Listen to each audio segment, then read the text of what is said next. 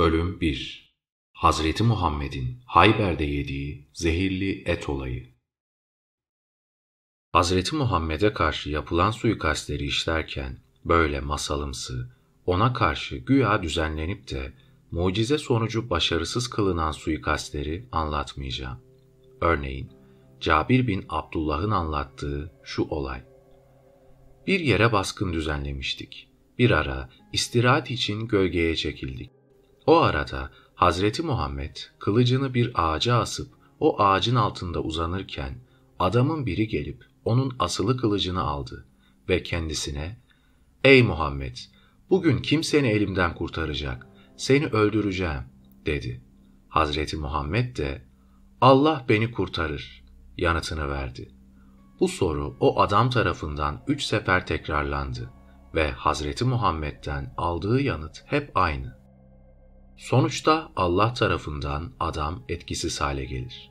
Vücudu sanki donmuş, felç olmuş gibi olur ve kılıç kullanamaz hale gelir. Bu hadis en başta Buhari ve Müslim'de anlatılmakta. Cabir bin Abdullah bu olayı üç farklı içerikle anlatıyor. Birinde sanki orada bulunan herkes Muhammed ve adamı izlemiş gibi bir aktarım söz konusu. Diğerinde Muhammed'in arkadaşları o adamı görünce bağırıp çağırmışlar. Adam da korkudan ona bir şey yapamamış. Bir diğerinde ise böyle bir olay meydana gelmiş. Ancak Hazreti Muhammed onlara anlatmış. Onlar görmemiş. İşte tek kişiden üç değişik şekilde anlatılan bir masal. Bir diğer örnek de Süraka bin Malik'ten. Hazreti Muhammed Mekke'den Medine'ye göç ettiği sırada kendisine inanmayanlar Süraka'ya Muhammed'i öldürürsen sana yüz deve mükafat vereceğiz deyince o da atını alıp Hazreti Muhammed'in peşine takılmış. Bu paralı katil Muhammed'e yaklaştıkça atı hep kumda batıyormuş. Muhammed'e ulaşamıyormuş. Sonunda adam kendi kötü planından vazgeçip İslamiyet'i kabul etmiş. İslami yazarlar sanki benzer şeyler olmuş gibi bu örnekleri ballandıra ballandıra hep anlatmışlar kaynaklarında. İşte bu çalışmamda anlatacağım suikast olayları çok farklı ve dünya tarihinde hep olmuş ve olacak şeylerden. Özetle bu çalışmamda az önceki örneklerde olduğu gibi akıl dışı olayları işlemeyeceğim.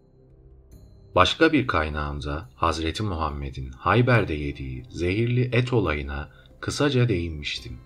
Olay şuydu. Hazreti Muhammed ve arkadaşları Hayber baskınında Yahudilerin çoğunu öldürüyor. Kadın ve kızlarını da cariye olarak ele geçirip kendi aralarında paylaşıyor. Bu arada o sırada 60 yaşında olan Hazreti Muhammed de kendisine 17 yaşında ve daha yeni evlenmiş Safiye'yi alıyor. Üstelik de eski eşini canlı olarak ele geçirip katlettikten sonra. İşte o kitabımda bunları anlatırken Hayber'de Hazreti Muhammed'e karşı gerçekleştirilen bir suikast olayına da özet şeklinde değinmiştim. Bir kere o kaynağın konusu zaten farklıydı. O yüzden bir vesileyle orada özet olarak bu zehirlenme olayına değinip geçtim. Ancak olay o kadar da basit değil. Hazreti Muhammed'in ölümü gerçekten kuşkuludur. Bu çalışmamda ölümüyle ilgili bugüne kadar hiç değinilmeyen karanlık noktalar üzerinde duracağım. Bu başlığı fazla detaylandırmayacağım. Hayber'deki suikast olayına kısa bir açıklık getireceğim. Bu kaynakta asıl üzerinde durmak istediğim bambaşka bir ölüm nedeni. Yeri gelince onun üzerinde yeterince duracağım. Hayber'de meydana gelen zehirlenme olayının özeti şu. Hazreti Muhammed Mekke'den Medine'ye geçip orada sistemini kurunca Medine'nin asıl yerlileri olan Yahudileri çeşitli bahanelerle dağıtmaya, kovmaya, katletmeye başlar. Örneğin Beni Nadir, Beni Kaynuka, Beni Kureyza ve daha sonra da Hayber Yahudileri. Tabii ki İslami kesim burada şunu savunur. Yahudiler Hazreti Muhammed'e karşı olup Mekke müşriklerini desteklediği için onlarla savaşıldı. Ancak benzer savunmaların hiçbir şekilde haklı tarafı yoktur. Çünkü Medine onların yurduydu. Hazreti Muhammed ise yabancıydı, Mekkeliydi ve onu orada rahat bırakmadıkları için Medine'ye hicret etmişti. Burada haklı olarak şu söylenebilir. Madem iddia edildiği gibi onun arkasında Tanrı vardı, o zaman niye Mekke'de ona yardım etmedi? Neden Medine'ye gelip bu insanların da rahatını bozmaya neden oldu? O kadar savaşlar, katliamlar oldu. Beni Nadir, Beni Kureyza, Beni Kaynuka, Hayber, Fedek, bunların hepsi Yahudi ve hepsi de Hazreti Muhammed tarafından ortadan kaldırıldı. Hazreti Muhammed'i bu konuda haklı çıkaracak hiçbir gerekçe olamaz. Başka bir ülkeye gitmek ve oranın insanlarını beni dinlemiyorlar diye katletmek gibi bir anlayış, eşyanın tabiatına aykırı. Bugünkü tabire göre onun Medine'de oturma izni yok. Bunu hangi ülke kabul eder? Gel, bir iki yıl bir ülkede kal. Ondan sonra yönetimi ele geçir. Oranın halkıyla kavga et. Onları katlet. Yurtlarından et. Bunun örneği dünyanın hiçbir yerinde yoktur. Hazreti Muhammed ve yandaşları Hayber Kalesi'ni ele geçirince ölümden kurtulanlar ona şu teklifi sundu. Biz bu toprakları sizden daha iyi işleriz. Çünkü yıllarca ekip biçtik. Deneyim sahibiyiz. O yüzden bizi öldürmeyin. Sürgüne de göndermeyin. Biz burayı ekip biçelim. Geliri paylaşalım derler. Hazreti Muhammed de bu teklifi kabul eder ve Hayber toprakları bu anlaşmadan sonra bu şekilde işlenmeye başlar. Zaten esir düşen Hayber sakinleri için bunun dışında alternatif de yoktu. Hayber'den sonra Hazreti Muhammed'in kendilerine yöneleceği bilgisini alan Fedek halkı bu pazarlığı duydu. Onlar da Hazreti Muhammed'e aynı teklifi sundu ve önerileri kabul edildi. İşte Fedek savaşsız alındığı için Kur'an'daki Haşr suresinin 6 ve 7. ayetlerine göre bu köy fey sayılırdı. Yani ancak Allah'a ve Muhammed'e ait olacaktı. Diğer ganimet malları gibi Müslümanlara dağıtılmayacaktı. Sonuçta Hazreti Muhammed Fedek köyünü kendine ayırdı. Ancak Hayber'i hazine malı olarak arkadaşları arasında paylaştırdı. Savaşın kısa durumu bu. Hazreti Muhammed'in bu baskın sırasında yediği zehirli yemeğe gelince, Hayber Yahudilerinden sağ kalan Haris kızı Zeynep, ki Selam bin Meşkem'in hanımıydı, soruşturuyor. Acaba Hazreti Muhammed hangi yemekleri çok sever diye. Etin kaburga kısmını çok sevdiğini söylüyorlar. Bu arada Zeynep bir koyun pişirip içine zehir doldurarak Hazreti Muhammed'e ikram ediyor. Tabii ki Hazreti Muhammed'in sevdiği kısma daha fazla zehir bırakıyor. Hazreti Muhammed yemeye başlayınca onun arkadaşlarından Bişir bin Bera acele edip ondan önce ağzına alıyor ve orada yığılıp can veriyor. Hazreti Muhammed ise henüz arkadaşı kadar fazla yemediği ve bu arada onun da durumunu gördüğü için artık yemekten vazgeçiyor. Sonra o yemeği hazırlayan kadını çağırıyor. Neden buna gerek duyup bizi zehirlemek istedin? diyor. Kadın da sen bizim başımıza neler getirdiğini iyi biliyorsun. Babam Haris'i, kocam Selam bin Meşkem'i, amcam Yaser'i, kardeşim Merhab'ı ve diğer yakınlarımla Hayber Yahudilerini öldürdün. Kalanları da esir cariye yaptın. Bunun için ben de kendi kendime dedim ki bu adamı zehirleyeceğim. Peygamberse Tanrı ile irtibatı varsa zaten vahiy alır. Bu etten yemez.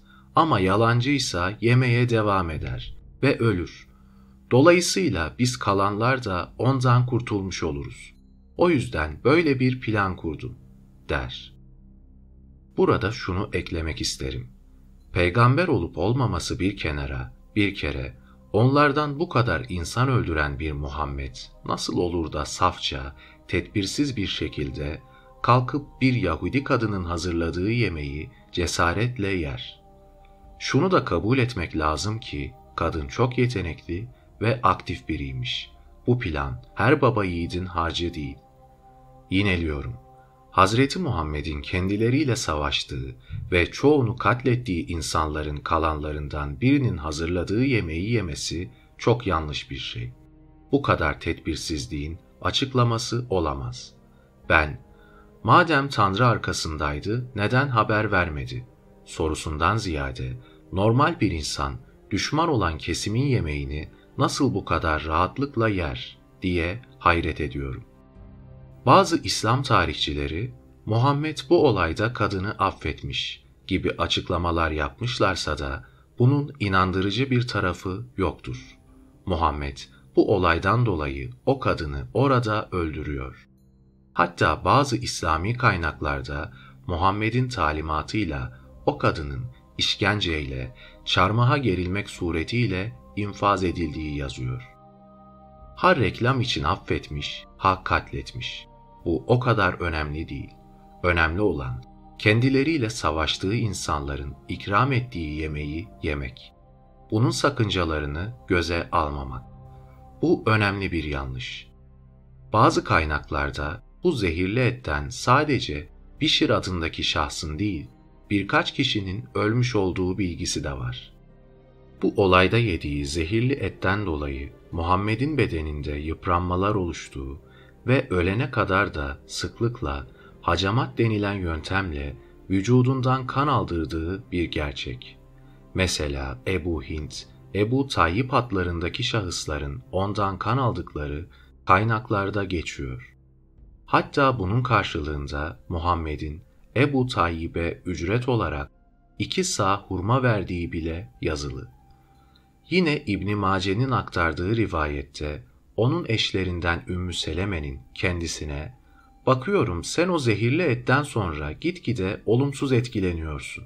dediğini ve ara sıra onun da Muhammed'den kan aldığını aktarıyor. Buhari ve Müslim'de bazen hac için ihramdayken, bazen oruçluyken kendisinden kan aldırıyordu şeklinde hadisler var. Yani kan aldırma Hayber'de yediği zehirli etin etkisiyle oluşan hastalıktan dolayı oluyordu. Şu not da önemli. Enes bin Malik, o yemekten sonra Muhammed'in ağız bölgesinde bozukluklar oluşmuştu diye bilgi veriyor. Bu Enes bin Malik, Muhammed'e 10 yıl yaverlik yapan bir sahabi ve onun bu hadisi en başta Buhari ve Müslim'de yer almakta. Bu açıklamalara göre Hazreti Muhammed'in bu olayda darbe aldığı kesin. Ancak bu olaydan sonra 3 yıl daha yaşıyor. Acaba bir zehir bu kadar zamana yayılır mı? Veya o zaman bu kadar güçlü bir zehir var mıydı? Tabii ki bu ancak uzmanların bileceği bir şey.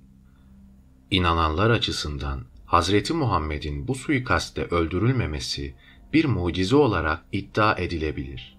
Hani arkadaşları öldü de o ölmedi diye. Ama yersiz bir savunma bu. Bir kere Muhammed'in bu olayda kurtulması gayet normal bir şey.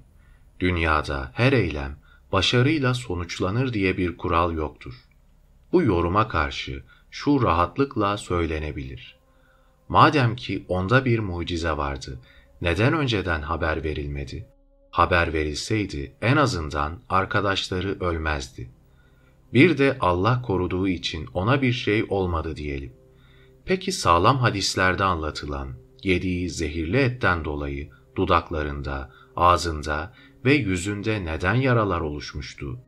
Bu zehirli yemekten dolayı zaman zaman vücudundan kan aldırdığı bir gerçek. Hani en azından bu zehirli etten dolayı kendisinde rahatsızlıklar oluşmuş. O halde ölmedi diye bundan pay çıkarmak mantıklı değil. Ancak burada Ayşe'ye mal edilen bir hadis var. Muhammed hastayken bir ara, ''Ey Ayşe, kaç yıl önce Hayber'de yediğim o zehirli etten dolayı içim yanıyor. Artık dayanamıyorum.'' şeklinde bir ifade kullanması söz konusu. Bir kere Muhammed'in Hayber'de yediği zehirli et olayını Enes bin Malik, Ebu Hureyre gibi birçok sahabe anlatıyor. Ancak Hayber'de yediğim o zehirli etten dolayı içim yanıyor. Artık dayanamıyorum. Sözünün arkasında sadece Ayşe var. Tabii ki bu ölüm konusunda Ayşe töhmet altında. Bunu zaten anlatacağım. O yüzden Ayşe'ye dayalı benzer hadislerin hiçbir değeri yoktur. Hayber suikastinin özeti böyle. Bölüm 2 Tebük'te Hazreti Muhammed'e suikast girişimi Hicri 9. yılda Hazreti Muhammed Suriye tarafında Bizanslılara karşı Tebük seferini düzenler. Ordusu hem sayı olarak az hem de araç gereç bakımından zayıf olduğu için pek çok Müslüman savaşa katılmak istemez. Burada savaşın seyriyle ilgili bilgi vermiyorum. Amacım bu savaşta meydana gelen önemli bir konuda bilgi vermek. Tebük seferine katılmak istemeyenler hakkında Kur'an'da özellikle Tevbe suresinde birçok ayet var. Yeri gelince onlardan da örnek sunacağım. Demek istediğim şu, Hazreti Muhammed Tebük'ten dönüp Medine yolunu tutunca en yakın arkadaşlarından süvari bir grup ki sayıları 12-15 olarak söyleniyor, gece karanlığından da yararlanarak onu vurmak ister. Ancak Muhammed bu planın duyumlarını alınca yol güzergahını değiştirir. Yolda Ammer bin Yaser onun devesini önden çekmekte, Huzeyfe bin Yaman da arkadan sürmektedir. Muhammed'i öldürmeye karar veren grup, onun bu yol değişikliğini öğrenir ve aynı istikamette onları takibe başlar. Bunlar yaklaşıp artık baskın yapma aşamasındayken Muhammed'in arkadaşları tarafından fark edilirler. Bu arada Muhammed arkadaşlarına çabuk sürün, hızlı olun diye emreder. Arkadaşları bağırıp çağırır ve haberiniz olsun sizi gördük deyince baskını düzenlemek isteyen Müslüman grup korkar. Kaçmak zorunda kalır ve İslam ordusu arasında dağılıp kaybolur. Karanlık olduğu için Muhammed'in etrafındaki insanların çok olduğunu sanmışlardır. Yoksa onu kolay kolay bırakmazlardı. Bu arada Muhammed arkadaşlarına, siz bunları tanıdınız mı? diye sorar. Yüzleri maskeliydi, göremedik. Ancak atlarını, bindikleri hayvanları tanıdık, derler. Muhammed yine sorar. Sizce bunların niyeti neydi? Bilmiyoruz, derler. Muhammed bu kez, yemin ederim ki onların planı beni vurmak, ortadan kaldırmaktı. Ben onları teker teker biliyorum, der ve onların isimlerini Ammar'la Huzeyfe'ye söyler. Ancak sakın ola bu isimler sizde kalsın, hiç kimseye söylemeyin talimatını verir. Neden böyle bir talimata gerek duymuştur? Çünkü bunu yapanlar Hazreti Muhammed'in kendilerine cennet müjdesi verdiği en yakın arkadaşlarıydı. En başta Halife Ebu Bekir, Halife Ömer, Halife Osman, Talha bin Ubeydullah, Sa'd bin Ebi Vakkas, Ebu Musa el-Eşari gibi seçme isimler vardı. Evet, bunu anlatan ünlü İslam düşünürü İbni Hazım. Gerçi kendisi bahaneler buluyor ama ne olursa olsun bunları o anlatıyor. Bu baskını gerçekleştirenler arasında Ebu Bekir, Ömer ve Osman'ın isimlerini veren başka yazarlar da var. Tabii ki burada savunma amaçlı uydurup bazı sözler öne sürülmüş. Ancak bunlar çok sığ ve gülünç savunmalar. Yeri gelince onlardan birkaç örnek vereceğim. Benzer savunmaları İslami kesim hep yapıyor. Mesela ileride değineceğim gibi halife olarak Ebu Bekir'in rakibi Sa'd bin Ubade, Ömer'in korkusundan Şam tarafına göç etmek zorunda kalıyor. Ömer adamlarını gönderip onu orada katlediyor ve tuvalete girince cinler onu öldürmüş diye çok saçma bir bahane uyduruyorlar. Yine yeri gelince anlatacağım. Ayşe ile Hafsa Muhammed'e ilaç verince biz yapmadık ey Muhammed senin amcan Abbas yaptı diyorlar. O da diyor ki, Abbas masumdur, siz yalan söylüyorsunuz, siz yaptınız. İşte yapılan savunmalar hep bu tarzda.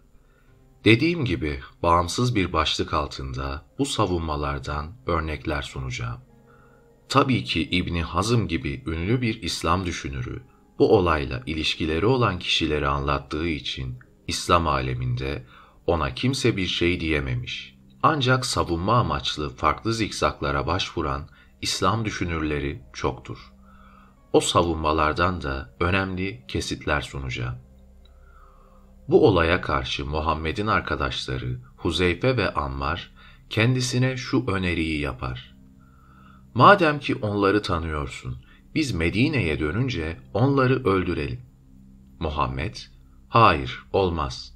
Çünkü o zaman bana karşı olanların ellerine fırsat geçer. Onlar olumsuz propaganda yapıp Muhammed en yakın arkadaşlarını öldürdü derler.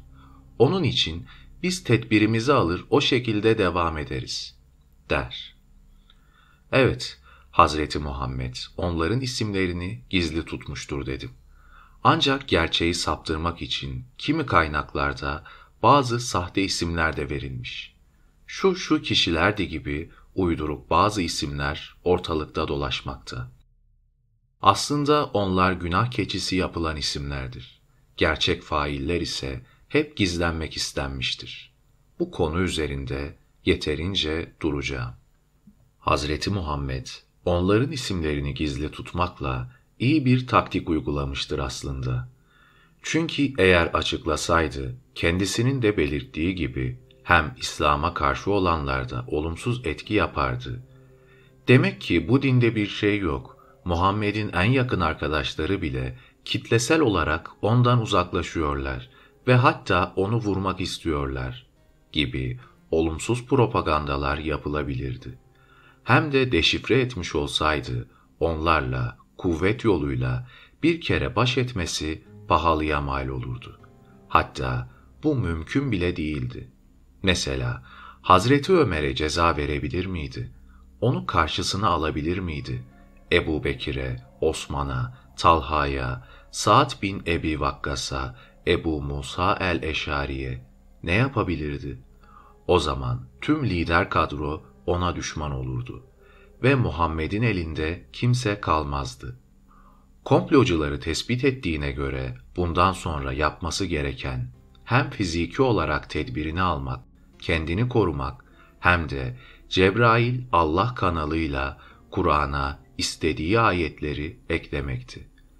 Dediğim gibi zaten başka yöntemde mümkün görünmüyordu. Tabii ki bu arada sanki Muhammed'in onların komplosundan haberi olmamış da inandığı Allah ona vahiy yoluyla kendileri hakkında yeni bilgi iletiyormuş gibi mucizesini de göstermiş oluyordu. Onlar hakkında Tevbe suresinin 74. ayetini oluşturup ilan etmiştir. Diyanet'in Kur'an tercümesinde ilgili ayetin anlamı şöyle. Bir şey söylemediklerine dair Allah'a yemin ediyorlar. Halbuki o küfür sözünü söylediler ve Müslüman olduktan sonra kafir oldular. Ayrıca başaramadıkları şeye de yeltendiler. Sırf Allah ve Resulü kendi lütfuyla onları zengin kıldığı için intikam almaya kalktılar. Eğer tövbe ederlerse kendileri için hayırlı olur. Şayet yüz çevirirlerse Allah onları dünyada ve ahirette elem dolu bir azaba çarptıracaktır. Artık onlar için yeryüzünde ne bir dost ne de bir yardımcı vardır. Sanki Muhammed bu suikastçiler hakkında hiçbir şey duymamış da Allah'ından gelen bilgiyi de ilk kez haberdar oluyormuş gibi yapıyor. Tabii ki bir taşla iki kuş misali bu ayetle birkaç yere mesaj gönderiyor.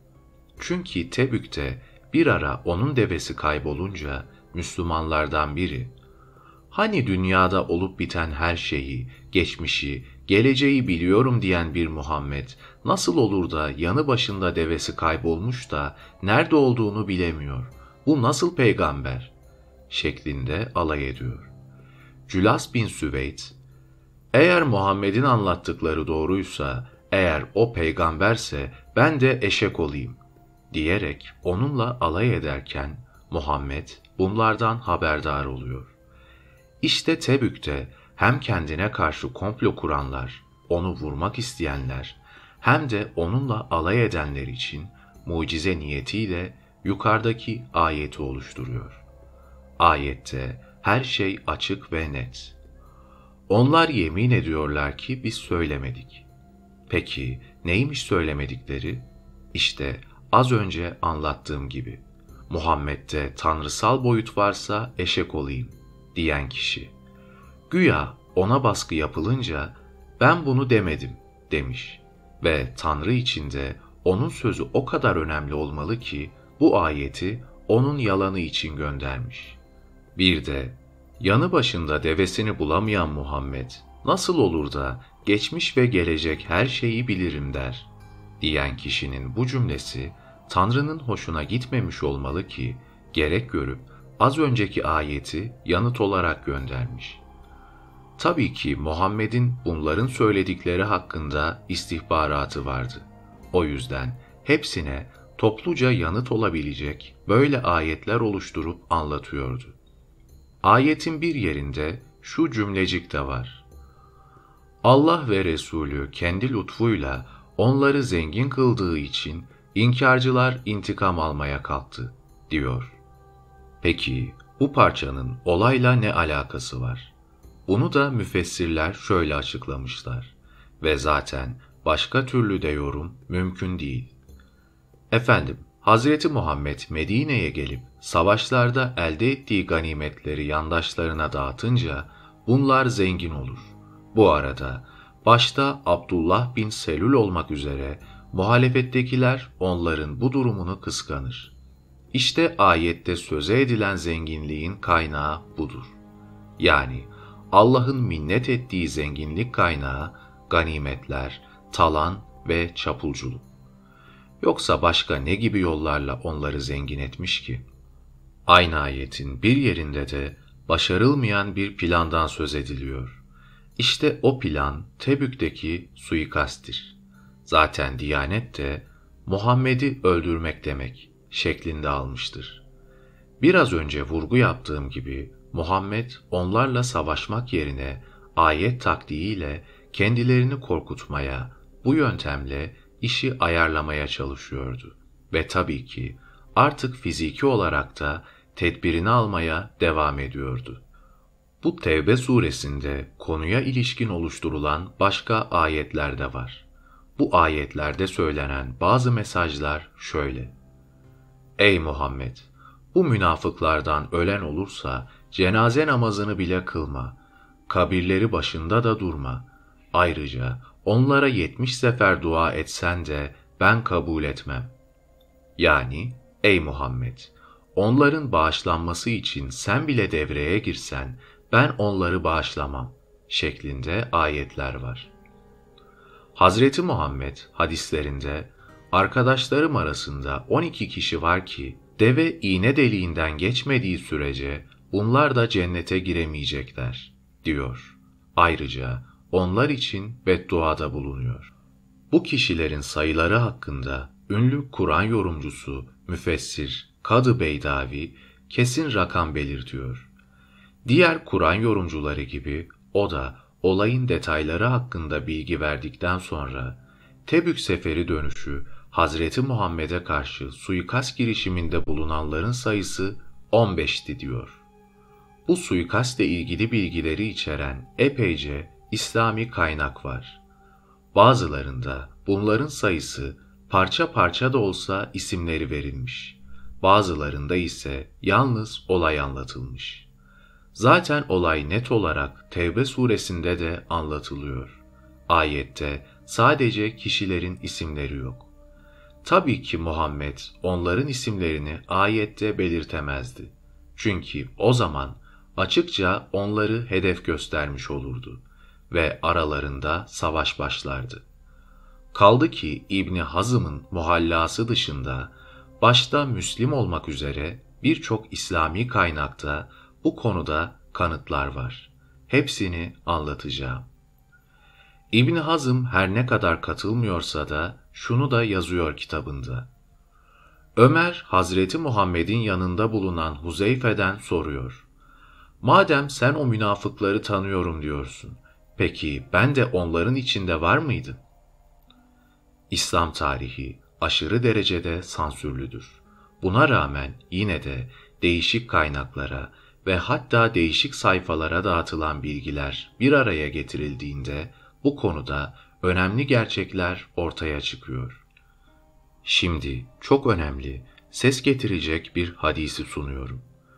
Bu öyle bir hadis ki İbni Hazım kendi meşhur kitabı Muhallasında buna yer vermiş. Her ne kadar eften püften savunmalar yapmışsa da benim için önemli olan onun böyle bir hadisi kaleme almış olmasıdır. Hemen hadisi vereyim. Velid bin Cümey'den.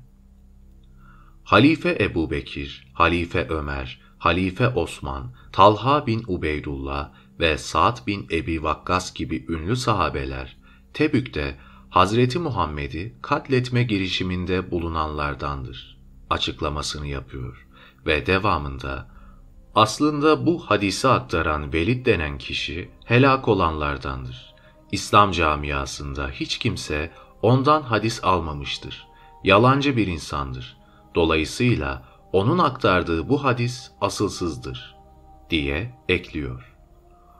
Bunun değerlendirmesine geçmeden farklı bir noktaya değinmek istiyorum. Müslümanlardan bir grup Suriye'den, ticaretten dönünce yalan bir haber yayıyorlar.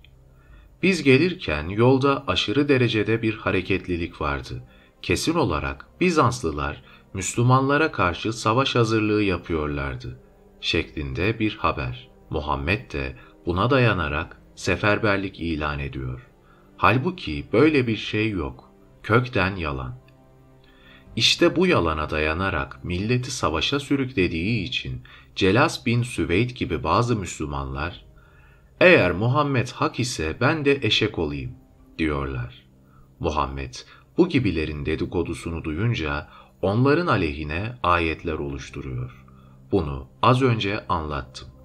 Aslında bir bakıma bunu söyleyenler haklı.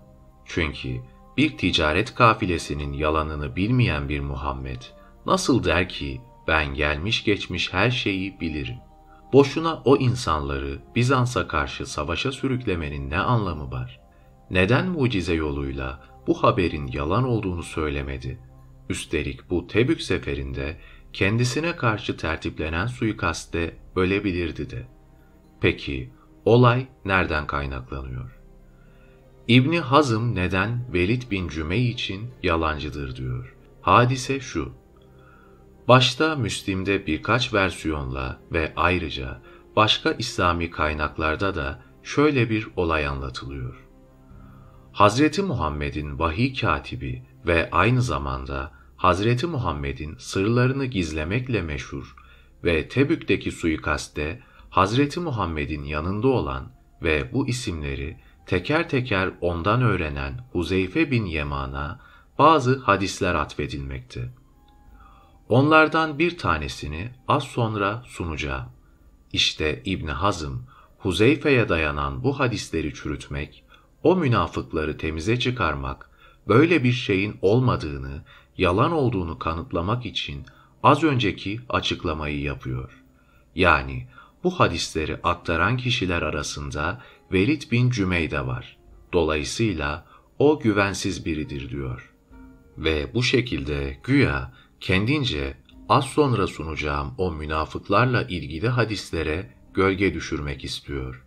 İşte az önce verite dayanan o çok ses getirecek hadisi bu bağlamda ele alıyor. Aslında İbni Hazım burada kaş yapayım derken göz çıkarıyor. İbret olsun diye İbni Hazım'ın komik savunması hakkında az sonra geniş bir bilgi sunacağım. Gelelim Huzeyfe'nin hadisine. Bir gün Huzeyfe ile Tebük'te Muhammed'i katletme girişiminde adı geçenlerden biri arasında şu konuşma geçiyor. Adam Huzeyfe'den, peki Muhammed'i öldürme girişiminde bulunan bu insanların sayısı kaçtı? diye soruyor.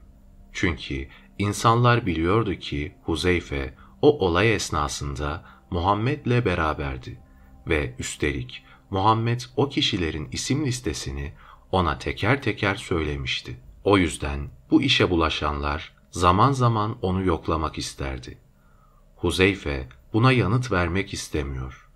Ancak orada bulunanlar kendisine, madem ki bu konuda senden bilgi istiyor, ne olacak sen de cevap ver, deyince Huzeyfe şunu söylüyor. Seni de sayarsak onların toplamı 15 olur.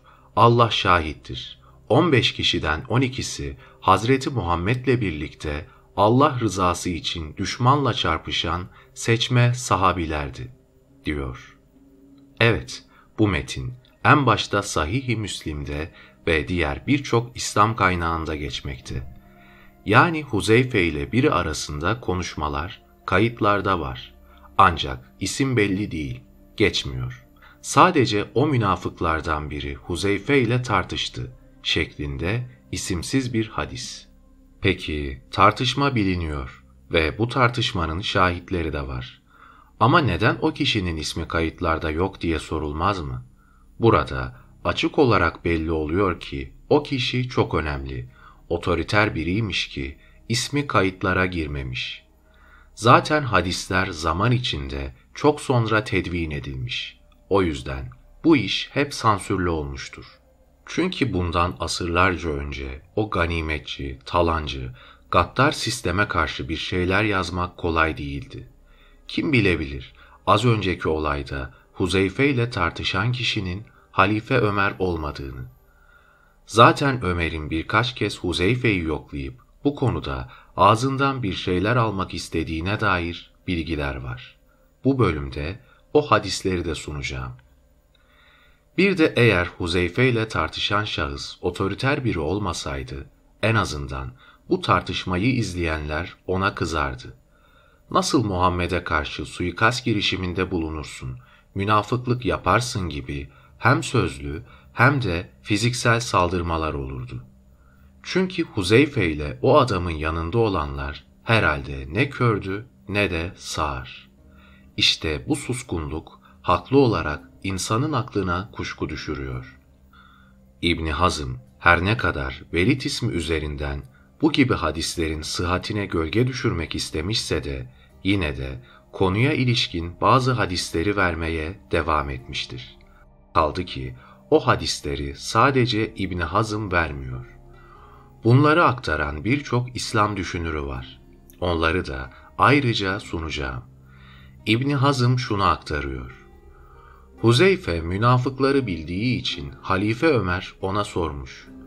Acaba ben de o münafıklardan mıyım diye. Huzeyfe hayır demiş ve artık bundan sonra kimseye bu konuda bilgi vermek istemiyorum diye de eklemiş. İbni Hazım'ın hiçbir gerekçe göstermeden sadece Ömer ve diğer arkadaşlarına toz kondurmamak için bu hadis yalandır, bunu aktaran kişi güvensizdir kimse ondan alıntı yapmamıştır. Açıklamasının gerçekten doğruluk payı var mı? Fazla ara vermeden hemen sıcağı sıcağına İbni Hazım'ın bu iddiasına bakalım. Tabii ki sunacağım kanıtlar yine İslam kaynaklarından. Acaba iddia edildiği gibi Velid bin Cümey'den gerçekten kimse hadis almamış mı? İslami literatürde güvensiz mi sayılmış? Yoksa İbni Hazım gibi bir İslam mütefekkiri artık ne diyeceğini bilemediği için rastgele mi onu lekelemiş buna bakacağız. Ancak bu örneklere geçmeden önce şu kısa hatırlatmayı yapmak istiyorum. İbni Hazım Hicri 456'da vefat etmiş. Peki Hazreti Muhammed'le arasında yaklaşık 5 asırlık bir zaman dilimi olan Ey İbni Hazım sen Başta Hazreti Ömer olmak üzere bu isimlerini verdiğin suikastçilerin bilgisini nereden aldın? Senden önce hangi yazar nerede yazmış? Neden bu hadis senin kaynağından başka bu kadar açık bir şekilde diğer kaynaklarda yok? Belli ki ondan önce kayıtlarda varmış ki İbni Hazım onlardan almış. Yineliyorum. İbni Hazım'dan önce kim, kimler bu bilgiyi kaydetmiş ki İbni Hazım onlardan alıp kitabında yazmış. İşte ortada ciddi bir silme, yok etme ve imha söz konusu. Çıkarmasına çıkarmışlar ama yine de profesyonelce bir çalışma yürütmemişler. Görüldüğü gibi yine bu gibi açıklamalarla bazı bilgileri sızdırmışlar. Bir kere İbni Hazım'ın güvensizdir dediği Velid'le ilgili İbni Şeybe hadisler almış ve adamı da lekelememiş. Az önce Müslim'in Ebu Musa el-Eşari ile ilgili aktardığı hadisi ki onu aktaranlar arasında Velid bin Cümeyde vardı, İbni Ebi Şeybe de kaynağında anlatmış ve ona herhangi bir sorun da çıkarmamış. İbni Hazım, bu raviler arasında Velid de var. O bakımdan güvensizdir, diyor. Ama aynı Ömer gidip de Hazreti Ali taraftarlarını tehdit ediyor. Ya gelin Ebu Bekir'i kabul edin ya da evinizi yakarım diye. Ama bunu anlatanlar arasında Velid yok. Örneğin Muhammed bin Bişir, Ubeydullah bin Ömer'den, o da Zeyd bin Eslem'den, Zeyd de babasından alıyor şeklinde geçiyor. Ve bunu en eski tarihçiler, muhaddisler anlatınca da bir sorun çıkaramıyorlar. İbni Hazım'dan önce yaşayan meşhur hadisçi İbni Ebi Şeybe bunları anlatırken herhangi bir itirazda bulunmuyor. Ama İbni Hazım sudan bahanelerle bu gibi hadisleri aktaranlarda kusur bulmaya çalışıyor.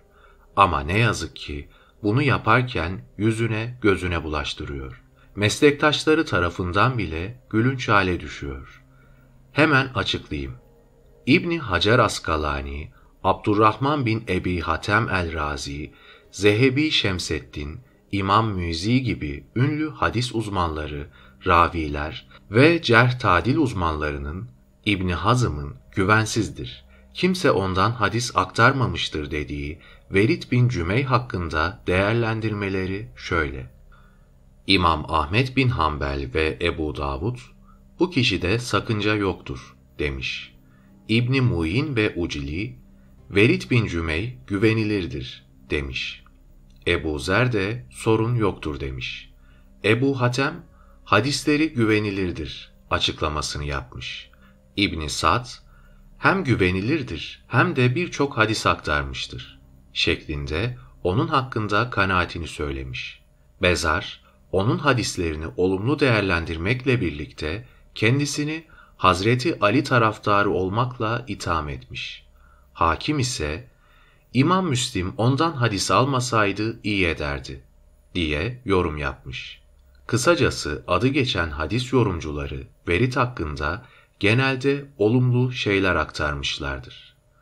Ancak bunlardan İmam Müzi, İbni Mace dışında Buhari ve Müslim olmak üzere meşhur kütüb-i sitte hadisleri ondan hadis aktarmışlardır.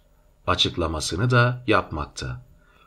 Şunu da hatırlatayım ki bu değerlendirmeyi yapan şahıslar hadis usulü ve cerh tadil denilen hadisleri ve ravileri değerlendirme konusunda önemli İslam mütefekkirleridir.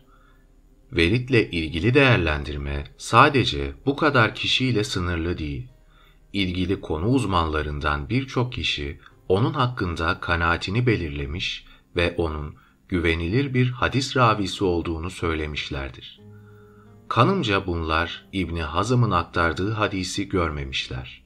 Yoksa eğer ravinin aktardığı bu suikast hadisinden haberleri olsaydı, İbni Hazım gibi onlar da adama bir bahane bulurlardı. İslam'da Kur'an'dan sonra en güvenilir hadis alimleri Buhari ve Müslim başta olmak üzere birçoğu Velid bin Cümey adındaki kişiden alıntılar yapmıştır. İlk pratik örneğimiz Buhari'den olsun. Ebu Naim'den, o da Velid bin Cümey'den, ninesinden, o da Ümmü Varaka binti Abdülillah bin Haris Ensari'den şöyle bir hadis aktarıyor. Hazreti Muhammed'in önem verdiği Ümmü Varaka'nın bir kölesi, bir de cariyesi varmış.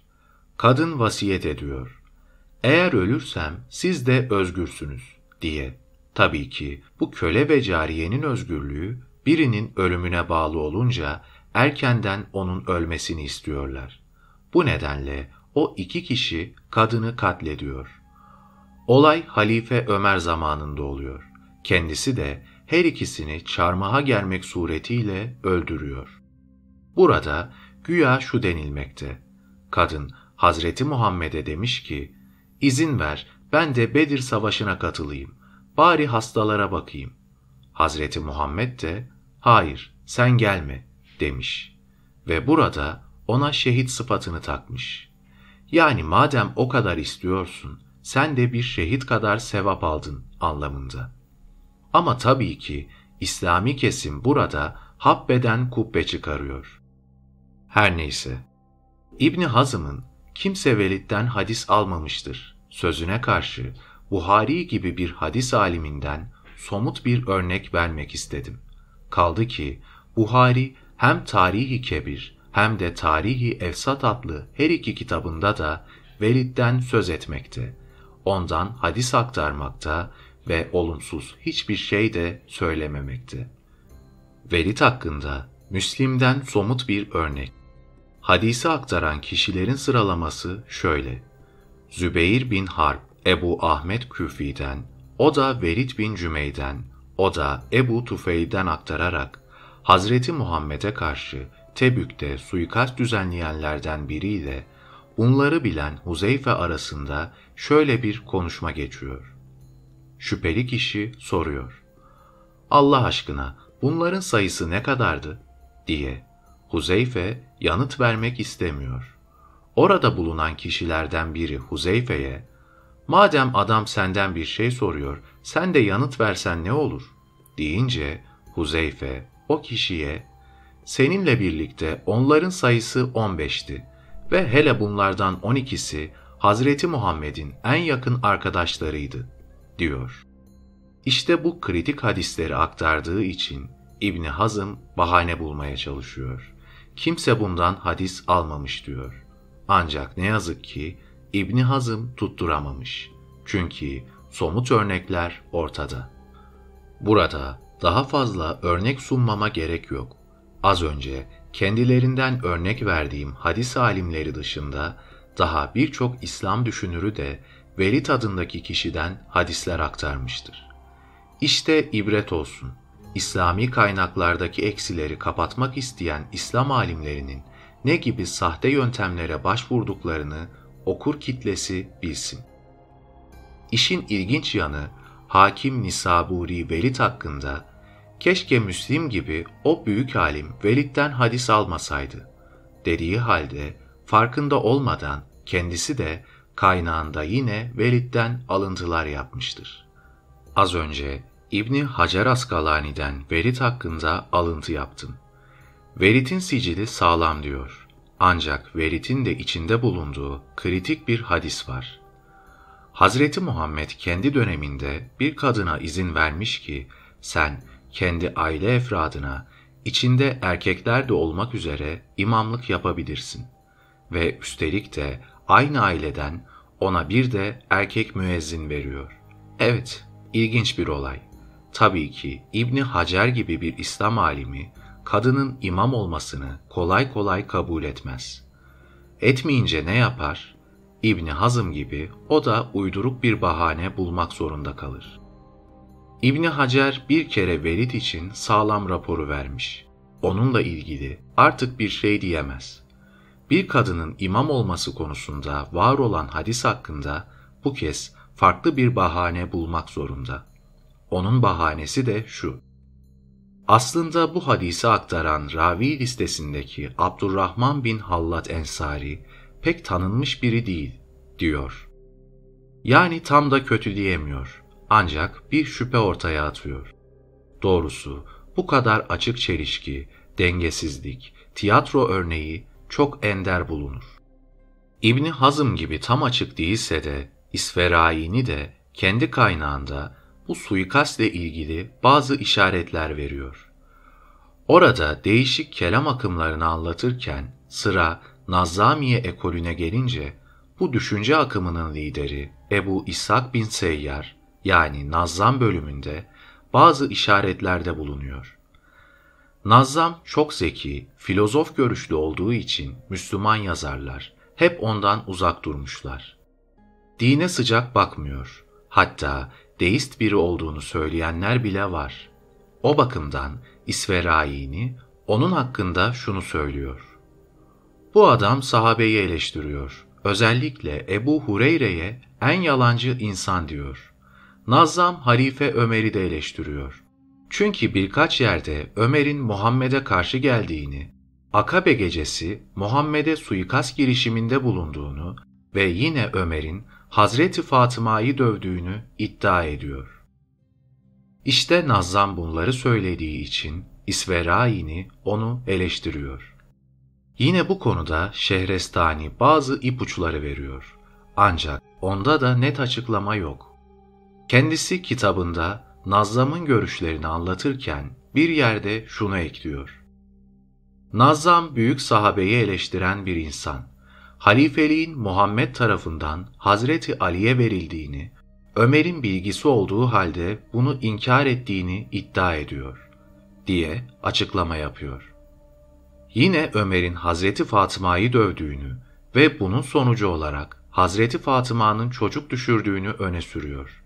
Tabii ki Şehrestani bunları anlatmakla aslında Nazzam'ı kötülemek istiyor. Şehrestani burada adamın Ömer hakkında olumsuz şeyler konuştuğunu anlatırken İbni Hazım gibi isimleri net olarak açıklamıyor. Üstü kapalı olarak geçiyor. Bunları Nazzam anlattığı için de bir değerinin olmadığını söylüyor. Dine dogmatik veya çıkar karşılığı inanan kesim illaki Nazzam gibi düşünenler hakkında bir kılıf uyduruyor. Ama kanıtlar güçlü. Ne yaparlarsa yapsınlar, gerçeklerin üstünü kapatamazlar. Halife Ömer, Huzeyfe bin Yeman'ı ve Ümmü Seleme'yi rahat bırakmıyordu. Bu bölümün bir yerinde değindiğim gibi Hazreti Muhammed bu suikastçileri durdurmak, onları korkutmak için Tanrı Cebrail yöntemini sıkça kullanıyordu. Oluşturduğu ayetlerden biri de bu münafıklardan ölen olursa cenaze namazını kılma, kabirleri başında durma, onlara yetmiş sefer dua etsen de ben Allah olarak bu duanı kabul etmem şeklindeydi. Durum böyle olunca bunların listesini bilen Hazreti Muhammed'in sırlarını saklamakla görevli ve aynı zamanda onun vahiy katiplerinden olan Huzeyfe bin Yeman, bu münafıklardan biri öldüğünde onun cenaze merasimine katılmıyordu. İşte Halife Ömer bu adamın o münafıkları sır gibi sakladığını biliyordu.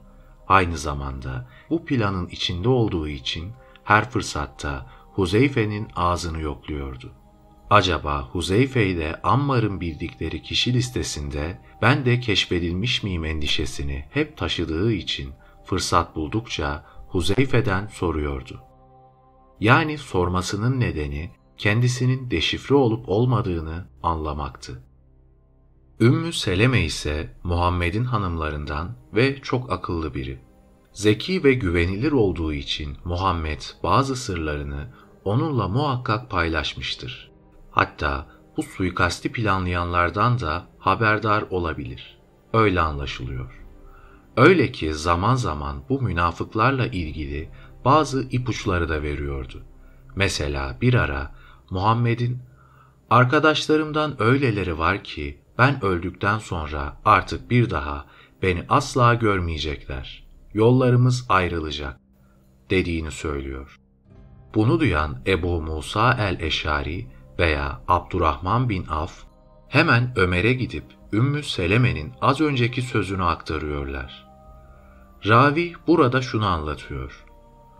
Ömer bunu duyunca süratle Ümmü Seleme'nin yanına varıyor ve Allah aşkına ben de onlar içinde var mıyım diye soruyor.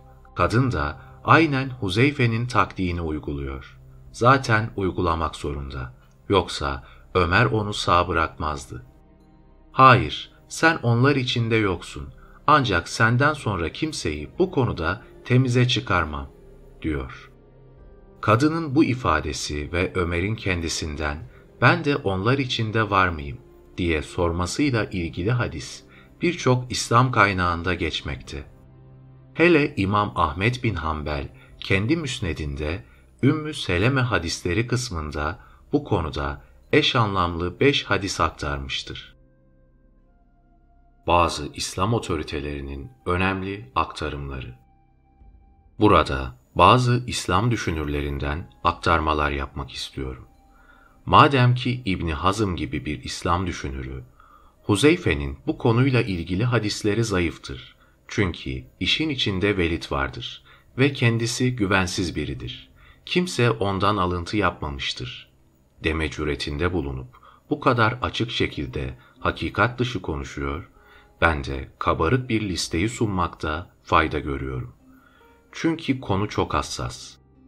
Burada İslam düşünürlerinin yazdıklarını aktarırken ilk başta hem Kur'an'la ilgili tefsir yazan hem de siyer, tabakat, tarih ve müsnetler olmak üzere birçok alanda ciltlerce eseri bulunan ünlü İslam düşünürü İbni Kesir'le başlamak istiyorum. Bakalım Halife Ömer'le Huzeyfe arasında vuku bulan bu konuda nasıl bir diyalog gerçekleşmiş ve Ömer'in sorduğu soru neymiş? İbni Kesir, Hazreti Muhammed'i öldürmeye gelen Müslümanların sayılarının 12-15 olduğunu, Hazreti Muhammed'in onların isimlerini hem Huzeyfe hem de Ammar'a söylediğini ve sır gibi saklamalarını istediğini yazıyor. İbni İshak'a göre Hazreti Muhammed bu isim listesini yalnız Huzeyfe'ye söylemiş diye de ekliyor. İbni Kesir burada İmam Beyhaki, Müslim ve İmam Ahmet'ten de alıntılar yapıyor. Bu komploculardan 12'sinin Hazreti Muhammed'in çok yakın arkadaşı olduğunu birkaç kaynak ve sağlam hadis göstererek belirtiyor. İbni Kesir devamında kendi tefsirinde Tevbe suresi 74. ayetinde ve yazdığı siyer kitabıyla Bidaye, Nihaye kitabında bu olayı detaylıca ele alırken o suikasti düzenleyenlerden biri bir ara Muhammed'in arkadaşından soruyor. Onların sayısı 14'tü değil mi? diye. Adam da seni de sayarsak sayıları 15 olur cevabını veriyor. İbni Kesir burada soruyu soran kişinin ismini vermiyor. Ancak konuya hem Tevbe suresinin 101. ayetinde değinirken hem de kendi siyer kitabında yer verirken Ömer'in ismini açıkça veriyor. Hadis şu. Ömer Huzeyfe'den, acaba ben de o münafıkların listesinde var mıyım? diye soruyor. Huzeyfe, hayır sen yoksun ancak bu konuda bir daha açıklama yapmak istemiyorum, diyor. Dediğim gibi İbni Kesir, Ömer'le Huzeyfe arasında geçen bu diyalog için birçok kaynağında yer ayırmış ve üstelik de İbni Hazım gibi hiç kimseye de çatmamış. Ahmet İbni Hanbel, Tebük suikasti olayını anlatırken uzunca bir hadisin ortasında Ammar'la birinin arasında şöyle bir diyalog geçtiğini anlatıyor. Yine diğer kaynaklardaki gibi bunların sayısı soruluyor ve Ammar, eğer seni de eklersek bunların sayısı 15 olur şeklinde karşılık veriyor. Yani burada yine kişinin ismi meçhul. Üstelik İmam Ahmet bin Hanbel bu hadisi Velid bin Cümey'den aktarıyor ve sıralamayı şöyle yapıyor. Bu hadisi Yezid adındaki kişi Velid bin Cümey'den, o da Ebu Tufeil'den aktarmış diye devam ediyor. Hani konunun başında İbni Hazım, bu Velid bin Cümey'den kimse hadis almamış, yalancıdır diye rastgele onun hakkında olumsuz karar vermişti ya, işte böyle, almış mı, almamış mı? Durum ortada. İmam Taberi kendi tefsirinde şunları aktarıyor. Hazreti Ömer Huzeyfe'den ben de o münafıklar arasında var mıyım diye sormuş. O da hayır sen yoksun ancak bu konuda bir daha açıklama yapmayacağım demiş. Taberi kendi meşhur tarihinde de değişik konularda buna değiniyor. Ayrıca Teshib-i Asar adlı yapıtında çok farklı bir bilgi de veriyor. Burada Nezel adındaki kişiden şunu aktarıyor. Biz bir toplantıda Huzeyfe ile birlikte Hazreti Osman'ın yanındaydık. Osman, Huzeyfe'yi tehdit etti. Senden bazı şeyler duyuyorum. Senden başka doğru insan yok mu? diye. Huzeyfe yemin etti ki, ben bir şey demedim. Halbuki Huzeyfe daha önce bize bir şeyler söylemişti. Ancak Osman'ın tehditlerine karşı inkar etti. Osman gidince biz ondan sorduk. Bu da ne? Huzeyfe şu cevabı verdi. Ne yapayım? Bu şekilde ayarlamak zorundayım. Yoksa daha kötü olur. Evet, bunu anlatan tarihçi ve aynı zamanda meşhur müfessir İmam Taberi. Burada Huzeyfe'nin niçin Ömer'e sen o listede yoksun demesinin asıl nedeni belli oluyor. Korku. Yoksa Ömer onu sağ bırakmazdı. İbni Ebi Şeybe şunu yazıyor. Münafıklardan biri ölüyor. Tebük'te Hazreti Muhammed'in devesini çeken Huzeyfe adındaki kişi o adamın cenaze namazını kılmıyor. Bu Hazreti Ömer'in dikkatini çekiyor ve Huzeyfe'den soruyor. Acaba bu da söze edilen münafıklardan mıydı? diye. Huzeyfe evet diyor. Ömer yine soruyor. Peki benim de onların içinde ismim geçiyor mu? Huzeyfe hayır diyor. Ve artık bu konuda kimseye açıklama yapmak istemiyorum diye ekliyor. İmam Gazali İhya Ulumiddin adlı yapıtında şunu yazıyor. Huzeyfe münafıkları bilirdi ancak onların isimlerini söylemezdi.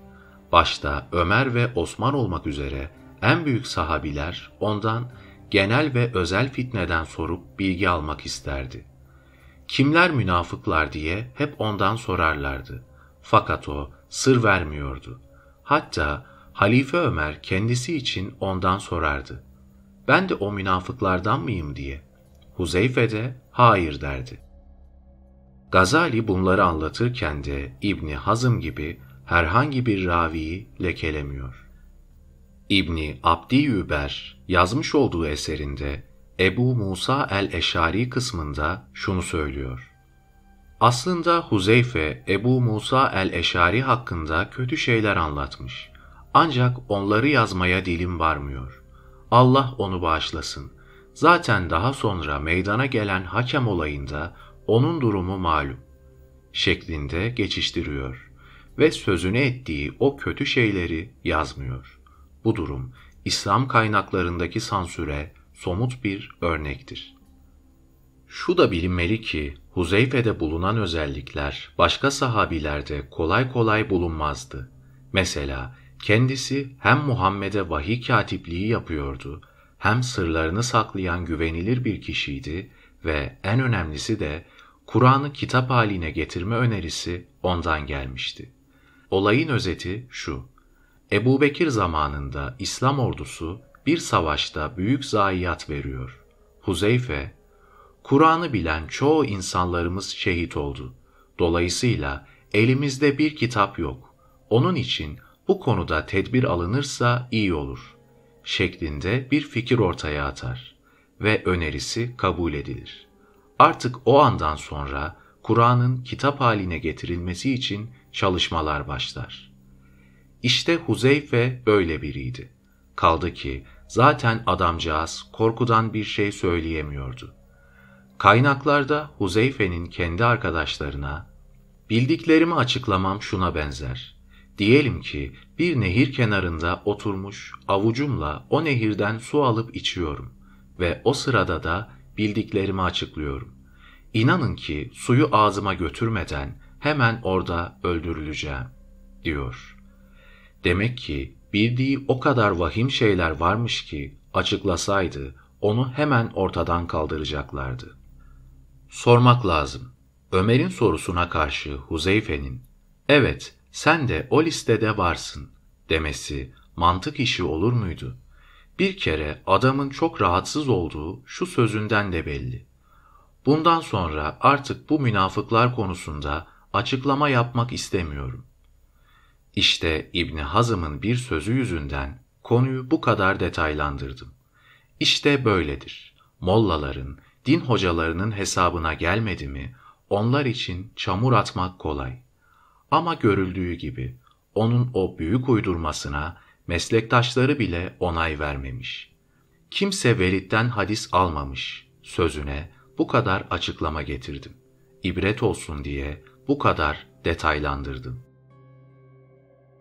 Halife Osman'ın Huzeyfe'yi tehdit etmesi ve Ammar'ı komalık yapması. Bu konuda İslam aleminde güvenilir, ün sahibi olmuş birçok yazar kendi eserlerinde şunu anlatıyor. Halife Osman bir gün Huzeyfe'yi, ''Nedir bu senden duyduklarım? Senden başka doğru dürüst Müslüman yok mu? Tek sen mi olayları biliyorsun?'' diyerek tehdit ediyor. Huzeyfe, ''Hayır, ben bir şey demedim ve seni gördüm göreli, hep sevdim.'' karşılığını veriyor. Sonuçta Osman onu o toplantıdan kovuyor. Huzeyfe gidince Osman adamlarına çağırın bir daha gelsin talimatını veriyor. Gaye onu o şekilde üzmek, rahatsız etmek, toplum içinde haysiyetiyle oynamak. Huzeyfe geri gelince Osman bir daha tehditler savuruyor. Artık buna dayanamayan Huzeyfe, sizler öküz gibi ortaya çıkacaksınız, teşhir edileceksiniz ve deve gibi kesileceksiniz diyerek çok ağır ifadelerde bulunuyor. Adeta o an için ölümü göze alıyor. Buna sinirlenen Osman sonuçta Muaviye'yi çağırıp konu hakkında onu bilgilendiriyor. İyi politikacı olan Muaviye konuyu kapat diyor ve tartışma orada noktalanıyor. İkili yani Huzeyfe ve Ammar bu münafıkları bildikleri için hep hedef halindeydiler. Mesela Halife Osman Ammar'ı döve döve komalık yapıyor. Zaten çoğu İslam tarihçisi Osman'ın feci şekilde öldürülme nedenlerini sayarken onlardan birinin de Osman'ın Ammar bin Yaser'i komalık yapması olduğunu belirtiyorlar. Muaviye'nin konuyu kapat demesinin asıl nedeni Osman'a küskün ve hatta kızgın olan halkın bunu duymasını engellemek. Yoksa Osman halifeydi. Huzeyfe'yi ortadan kaldırabilirdi. Hatırlanacağı gibi Tebük komplosunda Halife Osman'ın da adı vardı. Bunu daha önce İbni Hazım'dan aktardım. İşte Osman'ın Huzeyfe ile kavgasının asıl nedeni buna dayanıyor. Osman'la Huzeyfe ve Ammar ikilisinin arası hiç iyi değildi. Kısa bir örnek vereyim. Her iki insan da iyi niyetli kişiler oldukları için halk onları seviyordu. Osman onlara hakaret edince insanlar bunu kabul etmedi. Birçoğu Osman'ın haksızlığına karşı rahatsızlık duydu. Bu konuda Osman'a tepki gösterenler de vardı. Aslında Osman yukarıdaki soruyu ne kadar Huzeyfe'ye yöneltmişse o hep inkar etmiş. Hayır, olumsuz bir şey söylemedim diye karşılık vermiş. Onun az önceki o sert reaksiyonu Osman'ın onun üzerine fazla gelmesinden, ona psikolojik ve fiziki baskı kurmasından kaynaklanıyor. Artık dayanamadı. Bir bakıma kendini kaybettiği için bunu söyledi demek doğru olur. Çünkü Huzeyfe hep hayati tehlike taşıdığının farkındaydı. Mesela arkadaşları ona sen Osman'a hayır diyorsun ancak tek başımıza kaldığımızda aksine farklı şeyler söylüyorsun diye sorduklarında o ben böyle yapmak zorundayım yoksa kötü olur, zarar görürüm karşılığını veriyordu. Hatta İbni Kuteybe, Huzeyfe'nin Osman'ın yanında farklı, arkadaşlarının yanında farklı beyanatlarda bulunduğu için bazıları tarafından eleştirildiğini yazıyor. Halbuki bence bu ağır eleştiriyi Huzeyfe hak etmemişti. Çünkü adamın hayati tehlikesi vardı. Daha enteresan örnekler de var. Bir keresinde, bilsem ki içimdeki sırları açıklayınca her sözcük için 20 kırbaç ceza alırım, yine de söylerim, buna razıyım, diyor. Bir diğer sözünde, ben pek fazla konuşmak istemiyorum, diyor. Bunun nedenini soranlara da, dilim kurt gibi, serbest bırakırsam başıma bir şeyler getirir, yanıtını veriyor. Artık bundan her şey anlaşılıyor. Bu açıklamalar durumun ne kadar vahim olduğunu kanıtlıyor. Nezar bin Sebre anlatıyor. Bir gün Hazreti Ali ile birlikte Huzeyfe'yi konuşuyordu. Hazreti Ali, Huzeyfe öyle bir insandı ki büyük skandalları, detayları ve münafıkların isimlerini bilen biriydi. Kendisi bu konularda gerçekten bilgi sahibiydi, dedi.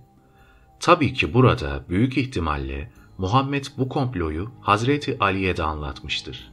Çünkü ona en yakın isim ve onu koruyacak en güçlü kişi Hazreti Ali'ydi. Hem amcaoğlu hem damadı ve hem de savaşlarda gösterdiği performansıyla askeri yönü ve tabii ki Hazreti Muhammed'e çok bağlı birisi olmasından dolayı mutlaka söylemiştir. Çünkü çok ciddi ve hayati bir konu. Onu haberdar etmemesi mümkün değil. Onun içindir ki Hazreti Ali Huzeyfe hakkında az önceki açıklamaları yapıyor. Demek ki Hazreti Ali de haberdarmış. Ancak çeşitli nedenlerden dolayı o da onları saklı tutmuş. Burada muhakkak Muhammed'in talimatı ve önerisi vardır. Sen de diğerleri gibi bunları saklı tut, başınızı belaya sokmayın ama bu arada tedbirimizi de alalım gibi telkinler. Çünkü tüm bu zanlılar söylenseydi büyük ihtimalle sistem çökerdi. Çünkü bu kadar önemli insan düşman ilan edilseydi arkasında etkili biri kalmazdı. Yani farklı hesaplar yüzünden söylenmemeye çalışılmış. Ama burada önemli olan Hazreti Ali'nin Huzeyfe hakkında yaptığı az önceki açıklama. Übey bin Kap'tan önemli bir açıklama. Utey bin Dumre adında biri çok uzaklardan gelip Übey bin Kap'tan bazı bilgiler öğrenmek ister. Bu arada Übey, Allah'a yemin ederim ki eğer yaşıyorsam gelecek cuma günü öyle bir açıklama yapacağım ki beni artık öldürecek misiniz, yaşatacak mısınız hiç umurumda değil, diyor. Kimi rivayetlere göre de Muhammed'den duyduğum bazı önemli şeyleri anlatacağım. Artık kim ne derse umrumda değil şeklinde konuşuyor. İbn Sad bu konuda iki rivayet aktarıyor. Ama ne yazık ki Übey bin Kap o cuma gelmeden perşembe günü ölüyor. Burada sorgulanması gereken bir durum var. Neymiş acaba Übey'in başını ortadan kaldıracak kadar tehlikeli olan o gizli olaylar? Bir de şahsen buna bakınca Übey'in eceliyle öldüğüne inanmıyorum. Bana göre Übey'i ortadan kaldırmışlardır. Übey'in bu açıklamasından sonra artık kimlerse biz deşifre olmadan bu adamı yok edelim diyerek onu ortadan kaldırmışlardır. Kaldı ki bu insan Hicri 19. yılda Halife Ömer iş başındayken vefat etmiş diyenler var veya Halife Osman zamanında. Her ikisi tarafından da ortadan kaldırılması muhtemeldir. Hem bu skandallar için olabilir hem de Osman'ın hazırladığı ve şu an piyasada olan Kur'an'a karşıydı. Hatta onun özel olarak hazırladığı farklı bir Kur'an'ı vardı. Yani önemli bir isim ve önemli bir muhalif. Dolayısıyla suikaste kurban gitmesi akıldan uzak değil. Kaldı ki az önce belirttiğim gibi zaten kaygılarını da söylüyor. İlginç. İnsan ne zaman öleceğini bilmez. Ancak burada verilen bir tarih var ve de çok kısa ve o tarih gelmeden adam ölüyor. Bu ölüm kuşkulu değil demek mümkün değil.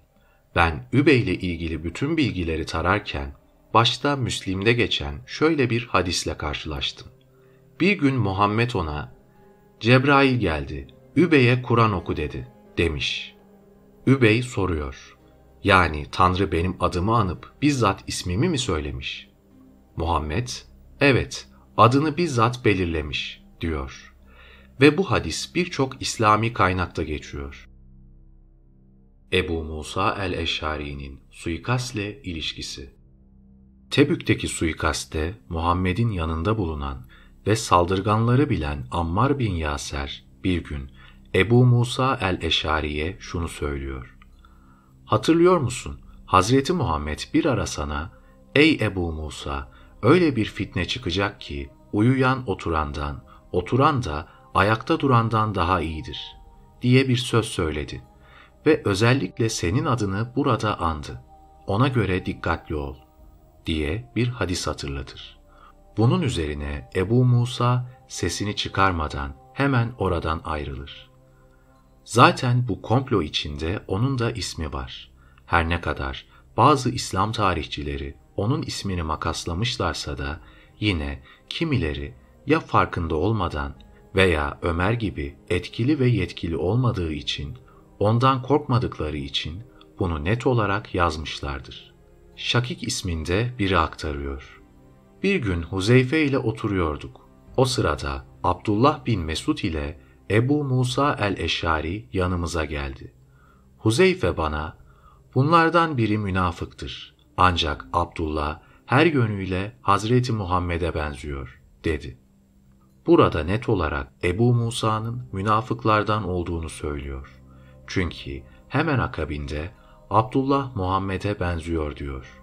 Yani bu kadar açık konuşuyor. Yine bir gün Ebu Musa Ammar'a ne var aramızda arkadaş değil miyiz diye soruyor. Ammar bilemem bildiğim şu ki Muhammed seni lanetledi diyor. Ebu Musa her ne kadar beni lanetlemişse de yine beni bağışlamıştır deyince Ammar ben senin lanetlendiğine şahit oldum ama seni bağışladığına şahit değilim diyor. Hadisin anlamı açık. Adam resmen Ebu Musa'nın adını belirtiyor. İlginçtir ki olaylar bu kadar açık olmasına karşın bir İslam mütefekkiri kalkıp da şu açıklamalarda bulunabiliyor. Peki bu halk nezdinde meşhur olan Ebu Musa ne yapmış ki Muhammed onu lanetlemişti? Demek ki işlediği çok önemli bir suç varmış ki Muhammed onu lanetlemiş. Yani olaylar aslında çok açık ama İslami kesim inanmak, görmek istemiyor. Huzeyfe bu suikast olayını biriyle konuşurken Ebu Musa, biz bunların 14 kişi olduğunu biliyoruz, diyor. Huzeyfe de, seni de sayarsak sayıları 15 olur, diyor. Bundan daha açık bir ifade olmaz. Aynı şeylerin Ammar tarafından da söylendiği kaynaklarda geçiyor. Hazreti Ali sabah namazlarını kılarken kunut duasında hep Ebu Musa'ya lanet ederdi. Hani daha önce de ifade edildi. Hazreti Muhammed en yakını olduğu için muhakkak Ali'ye de bu münafıkların isimlerini söylemiştir. Dikkat edilirse anlattıklarımın tümü İslam kaynaklarından. Kaynak o kadar fazla ki neredeyse her satır başına bu kaynaklardan dipnotlar eklemek mümkün. Ancak bu konuda daha farklı şeyler yazan yazarlar da var. Mesela Hicri 8. asırda yaşayan Deylemi çok farklı şeyler anlatıyor. Hele Muhammed zamanında yaşayan Selim bin Kays'ın yazdıkları çok çarpıcı. Kitap içinde bundan da zaman zaman aktarmalar yapacağım. Deylemi'den kısa bir iki numune vereyim. Muhammed halifeliği Hazreti Ali'ye vasiyet edince Ayşe duyuyor ve Hafsa'ya anlatıyor. Bunlar da gidip Ebu Bekir ve Ömer'e iletiyorlar. Sonuçta Ebu Bekir ile Ömer, Mekkelilerden önemli kişilerle gizli toplantılar yapıyor. Anlaşılan Muhammed'inki de adeta İran ve Bizans gibi artık aile imparatorluğuna dönüşecek, diyorlar. Ve bu vasiyete engel olmak için bir plan yapıyorlar. Sonuçta varılan karar, vasiyet gerçekleşmeden Muhammed'i yok etmek. Yani Tebük'teki gibi onun hakkında suikast planı yapıyorlar. Hatta Kur'an'da Maide suresi 67. ayette Hazreti Ali'nin halifeliğinden bahsedildiğini söyleyenler vardır. Mesela İmam Suyuti, Nisaburi gibi kişiler bunu net olarak belirtmişlerdir. Ayetin özeti şu. Ey Muhammed! Rabbinden sana geleni duyur. Yoksa görevini yapmamış olursun. Yani Hazreti Ali halife olacak diye ilan et. Hatta Muhammed ilan bile ediyor. Bu sırada Ebu Bekir ve Ömer, Cirane denilen yerde Muhammed'le konuşuyor. Ali'nin halife seçilmesi senin fikrin mi yoksa vahye dayanarak mı bunu yapıyorsun diye soruyorlar. O da ben kafadan yapmam, vahye dayanıyor diye cevap veriyor. Artık ümitleri kalmayınca Mekkeli Müslümanlardan en başta Ebu Bekir, Ömer, Osman, Talha, Zübeyir, Abdurrahman bin Af, Ubeydullah, Sa'd bin Ebi Vakkas, Ebu Ubeyde, Muaviye, Amr bin As ve hatta Ebu Hureyre Muhammed'i vurmak için harekete geçiyor. Bu arada şunu da diyorlar. Neredeyse Muhammed bize Ali'ye tapın, ona kul olun diyecek kadar ileri gitti. Sa'd bin Ebi Vakkas, Vallahi korkarım Muhammed nasıl ayı ikiye böldüm diye ayet uydurduysa Ali içinde ayet uyduracak diyecek kadar ileri gidiyor. Tabii ki Muhammed de işin farkında ve bunlara karşı tedbirini alıyor. Dolayısıyla burada da başarı sağlanamıyor. Kaldı ki bu son olay Hazreti Muhammed'in son veda haccında oluyor. Hem bu hem de Tebük'teki olayda zaman zaman Akabe ismi geçiyor. Akabe hem Mekke tarafında özel bir yerin adı hem de sözlük anlamı giden yola paralel olan dağ demek. O yüzden bazen her ikisi için de bu isim kullanılmıştır. Aşırı kesimden bir ipucu verdim. Benzer tartışmalara girme niyetinde değilim. Ben başta Kur'an olmak üzere sünni kaynakların meşhurlarında var olan bilgiler üzerinden bir şeyler aktarmaya çalışıyorum. Bu gibi sivrilerin yorumlarına değinmeyeceğim. Halbuki İslam tarihi daha taraflı. Kim bilir belki bu gibilerin anlattıklarında doğruluk payı daha fazla. Görüldüğü üzere bu suikastle ilgili İslami kaynaklarda çok önemli açıklamalar var. Bunları bir kenara bırakmak mümkün değil. Bölüm 3 Ayşe ve Hafsa'nın Hazreti Muhammed'e içirdikleri ilaç En başta Buhari ve Müslim'de yer alan Ledut olayı. Hazreti Muhammed'in ölüm nedeni şu hadiste aranmalıdır demek yerinde bir ifade. Kitabın ana teması aslında bu bölüm. Kalan kısımlar birer teferruat. Tabii ki onlar da önemli. Ancak burası çok farklı. Bir şey anlatmadan hemen konunun başında yorum yapmak doğru değil. Vurgulamak istediğim Hazreti Muhammed'in ölüm gerçeği bu başlıkta aranmalı. Buhari'nin anlatımlarının birkaç yerinde, Müslim'de ve başka da birçok İslami eserde ortak olarak işlenen şöyle bir olay var. Hazreti Muhammed son hastalığında ölüm döşeğindeyken bir ara ayılınca bakıyor ki ona ağız yoluyla ilaç veriyorlar. Bunu görünce çok kızıyor ve sizi sakın ola bana bir şey içirmeyin diye uyarmadım mı? Neden bana ilaç verdiniz? Hepiniz bu ilaçtan içeceksiniz. Ben de bakacağım. Amcam Abbas hariç hepiniz. Çünkü o sizinle beraber değil, planın içinde o yoktur, diyor. Bazı rivayetlere göre Muhammed bu ilaç meselesini fark edince onlara soruyor. Kim yaptı diye. Onlar da amcan Abbas yaptı yanıtını verince kendisi içinizde zaten tek sağlam kişi amcamdır diyor. Bu rivayet çok yaygın. Ancak İbnül Cevzi'nin aktardığı cümleler daha ilginç. Hazreti Muhammed bu arada eliyle Habeşistan'a işaret ederek bu ilaç içirme yöntemi Habeşli kadınların işidir diyor.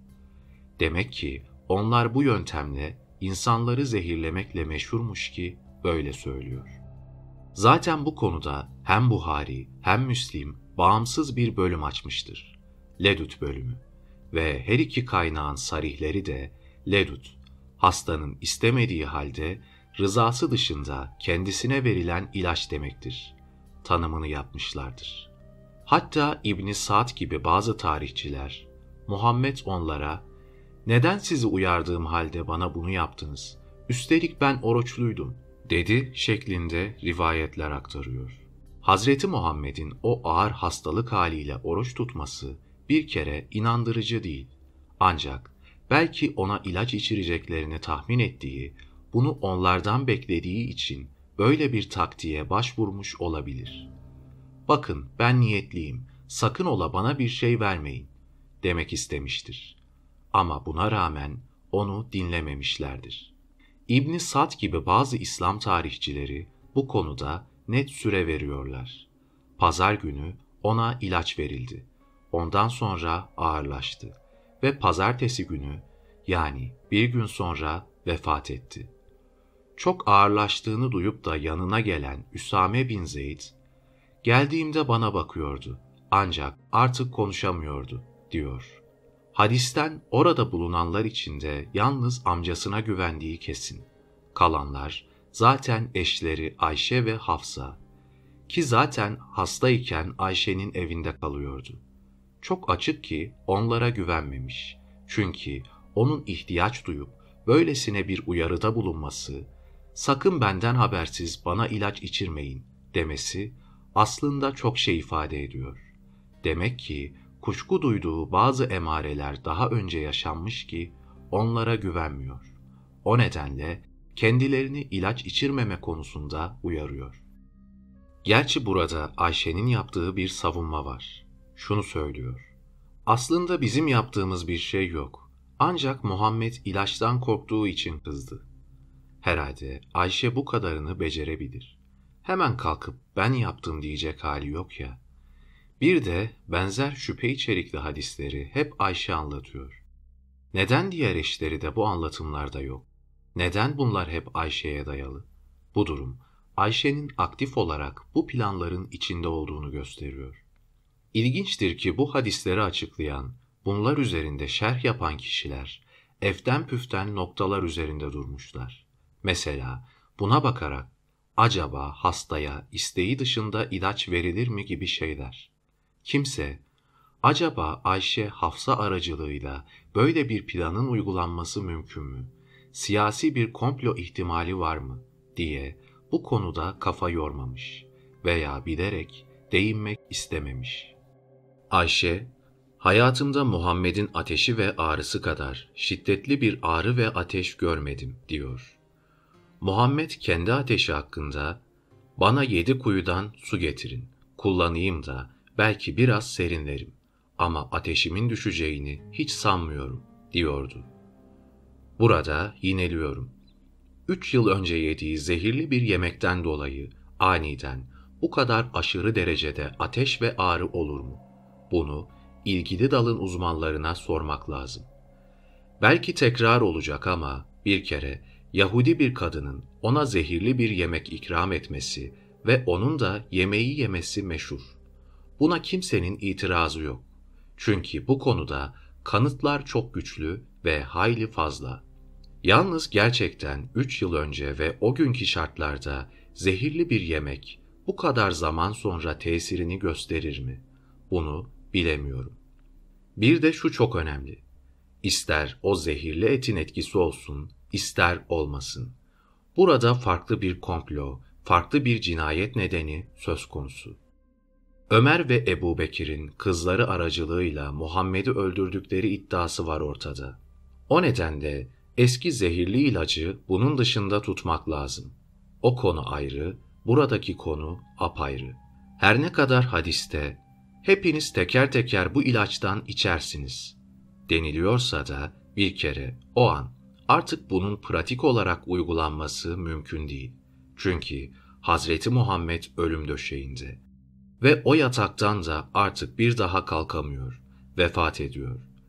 Bir de şu mümkün, olayın izini kaybettirmek için Ayşe tarafından böyle bir ifade bilerek uydurulmuş olabilir. Efendim tehlikeli bir ilaç olsaydı onlar içtiğinde kendileri de ölmüş olacaktı. Dolayısıyla ona içirilen ölümcül bir madde değilmiş densin gibi bir savunma amacı söz konusu olabilir. Bir kere Buhari ve Müslim'de geçen hadislerde o ilaçtan Ayşe ve Hafsa da içti şeklinde bir açıklama yok. Buhari bu hadisi birkaç yere almış. Hiçbirinde içtiler dememiş. Müslim de demiyor. Şayet deseler de önemi yok. Çünkü bu gibi kelimelerin eklenmesi şüphe uyandırmamak içindir. Bir kere Hazreti Muhammed'in o ilaç için bu kadar sert reaksiyon göstermesi kafaları karıştırıyor. Demek ki bildiği bir şey varmış. Bir de Buhari'de geçen ve Ayşe'ye dayanan şöyle bir hadis var. Muhammed ölüm döşeğindeyken dedi ki, Hayber'de yediğim o zehirli yemekten artık takatim kalmadı. Beni şah damarımdan vurdu. Ama aynı Buhari, İbni Mesud'dan rivayet ederek o zehirli etin mucize yoluyla konuştuğunu ve Muhammed'in o etten yemediğini yazıyor. Olayın izini kaybettirmek için Ayşe hep farklı ölüm nedenleri uydurmuş. Örneğin Ebu Yali'nin Ayşe'den aktardığı şöyle bir hadis de var.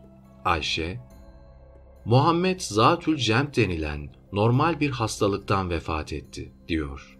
Bu hadisi zaten hadis uzmanları da kabul etmemişler. Tabii ki Muhammed'in vahiy yoluyla o ette zehir olduğunu bilmesi gibi rivayetler asılsız. Bir kere realist olmak gerek. Peki madem haberdar oldu, o zaman o ölen insanları ne yapacağız? Niye yediler ve sonunda öldüler? Bu konuda iyi sonuç almak için hem var olan tüm bilgileri bir araya getirmek hem de Ömer'le Ayşe'yi çok iyi tanımak gerek. Kısacası halk arasında bilinen Ömer'le Ayşe, gerçek Ömer'le Ayşe değil. Evet, bu ilaç içirme olayıyla ilgili hadisle giriş yaptıktan sonra şimdi de doğrudan ilişkisi olan Kur'an ayetlerine geçeyim. Cinayetin kanıtı Tahrim suresinde saklı. Gerçekten bu surede olup bitenler üzerinde dikkatle durulursa, Hazreti Muhammed'in büyük bir sıkıntı çektiği ve sonunda bedelini canıyla ödediği ortaya çıkıyor. Ön yargılı olarak hemen birilerini katil ilan etme gibi bir niyetim yok. Ancak var olan kanıtlar bunu gösteriyor. Tabii ki aklın hakemliği de önemli. Az sonra sunacağım ayetlerin hem anlamları insana fikir veriyor hem de Kur'an yorumcularının bunlarla ilgili açıklamaları dikkat çekici. Önce ilgili ayetlerin anlamını vereyim. 1. Hani peygamber eşlerinden birine gizli bir söz söylemişti. Ancak eşi o sözü başkasına haber verince Allah da bunu peygambere bildirmiş Peygamber bunun bir kısmını ona açıklamış, bir kısmından da vazgeçmişti. 2. Eğer siz ikiniz, yani peygamber eşleri, Allah'a tövbe ederseniz ne iyi. Çünkü kalpleriniz kaydı. Eğer peygambere karşı birbirinize arka çıkarsanız, bilin ki Allah onun yardımcısıdır. Cebrail de, salih müminler de, Bunlardan başka melekler de ona arka çıkarlar. 3. Eğer o sizi boşarsa Rabbi ona sizden daha hayırlı, Müslüman, inanan, itaat eden, tövbe eden, ibadet eden, oruç tutan, dul ve bakire eşler verebilir. 4. Allah inkar edenlere Nuh'un karısıyla Lut'un karısını örnek gösterdi. Bu ikisi kullarımızdan iki salih kişinin nikahları altında bulunuyorlardı. Derken onlara hainlik ettiler de kocaları Allah'ın azabından hiçbir şeyi onlardan savamadı. Onlara haydi ateşe girenlerle beraber siz de girin denildi. 5. Allah iman edenlere ise Firavun'un karısını örnek gösterdi. Hani o, Rabbim bana katında cennette bir ev yap. Beni Firavundan ve onun yaptığı işlerden koru ve beni zalimler topluluğundan kurtar demişti. 6. Allah bir de iffetini sapasağlam koruyan ve bizim de kendisine ruhumuzdan üflediğimiz, Rabbinin kelimelerini ve kitaplarını doğrulayan İmran kızı Meryem'i de inananlara örnek gösterdi. O, itaat edenlerdendi. Aslında ayetler tek başına bile konuya ilişkin bir şeyler çağrıştırıyor. Gerçekten açıklama yapılmasa da insan bu ayetlerin anlamına bakınca bir şeyler seziyor. Ama tam anlaşılabilmesi için detaylı bilgiye gerek var. Yoksa mevcut biçimiyle pek anlaşılmaz. Ayetlerde peygamberin eşlerinden birine gizli bir şey söylediği ve ona bunu gizli tutacaksın dediği sözü çok açık. Yine burada Muhammed'in iki eşinden söz ediliyor ve onlar tövbeye davet ediliyor. Bir de onların kalplerinin kaydığı, Muhammed'e karşı birbirlerine destek oldukları, bu konuda birlikte çalıştıkları açık olarak vurgulanıyor. Üstelik de Tanrı tarafından tehdit ediliyorlar. Eğer peygambere karşı olmaya ve bu konuda birbirinize destek vermeye devam ederseniz, ilkin ben Allah başta olmak üzere Cebrail, salih insanlar ve diğer melekler de Muhammed'e yardım ederiz deniliyor. Gel gelelim bu sure Medine döneminin 9 ve 10 yılında gelmiş. Ki o zaman Muhammed 61-62 yaşlarındaydı. Ve 63 yaşında da vefat ediyor. Hele Tanrı'nın Muhammed'in bu yaşından sonra siz Muhammed'i rahatsız etmeye devam ederseniz ben her bakımdan sizden daha iyi olan kızlar, dul kadınlar veririm ona demesi gerçekten tuhaf. Başta tefsirler olmak üzere diğer İslami kaynaklardan da yararlanarak ayetleri biraz daha açayım. Ben şahsen daha önce bu ayetlerle ilgili var olan dokümanları, yorumları okuyunca sanki bu ayetler Muhammed'le eşleri arasında meydana gelen çok basit bir aile ilişkisini anlatıyormuş gibi inanıyordum. Hani bir söz var, bakmak ve görmek. Evet, ben de bakıp okuyordum ama diğer Kur'an yorumcuları gibi hakikati göremiyordum. Şartlanma böyledir işte. Sahibini kafese koyar, onu bağlar, gözlerini açtırmaz. Anılan ayetler hakkında tefsirlerde ve diğer kaynaklarda özetle şunlar söyleniyor. Efendim, Muhammed bilmem hangi hanımıyla birlikte bal yerken ya da bal şerbeti içerken Ayşe ve Hafsa bunu kıskanmışlar. Bu yüzden Muhammed'e film çevirmişler. Ayetlerle ilgili anlatılan bir diğer hikaye şöyle. Bir gün Muhammed Hafsa'ya bugün babanın evine gidebilirsin demiş. Kadın da gitmiş. O gittikten sonra Muhammed de cariyelerinden Marya'yı yanına alıp Hafsa'nın odasına gitmiş ve Hafsa'nın yatağında sevişmeye başlamışlar. Tabii ki Hafsa da akıllı. Muhammed'in onu sebepsiz yere gönderdiğini anlamış. Dolayısıyla yarı yoldan dönüp geri gelmiş. Odasının kapısını açınca onları sevişirken yakalamış. Bu manzara zoruna gitmiş. Sonuçta Muhammed'e çok sert tepki göstermiş. Zira arkasında babası Ömer vardı. Hafsa daha sonra bu olup bitenleri kuması Ayşe'ye anlatmış. Sonuçta ikisiyle Muhammed'in arası açılmış ve böylece iş kontrolden çıkınca da Tanrı bu ayetlerle müdahale etmiş. Böyle bir hikaye anlatılıyor. Hele çoğu Kur'an yorumcusu bu konuyu kaleme alan İslam düşünürü bu hikayeleri anlatırken o kadar zevkle ve sanki gayet normal bir şeymiş gibi anlatmışlar ki insan hayret ediyor. Evet, anlatılanlar bu gibi hikayeler. Ben burada küçük bir soru sorup konuya devam edeceğim. Hani derler ki Muhammed geçmişi, geleceği, her şeyi biliyormuş. Madem öyle, peki Hafsa'nın geri döneceğini neden bilememiş? Nerede kaldı onun peygamberliği?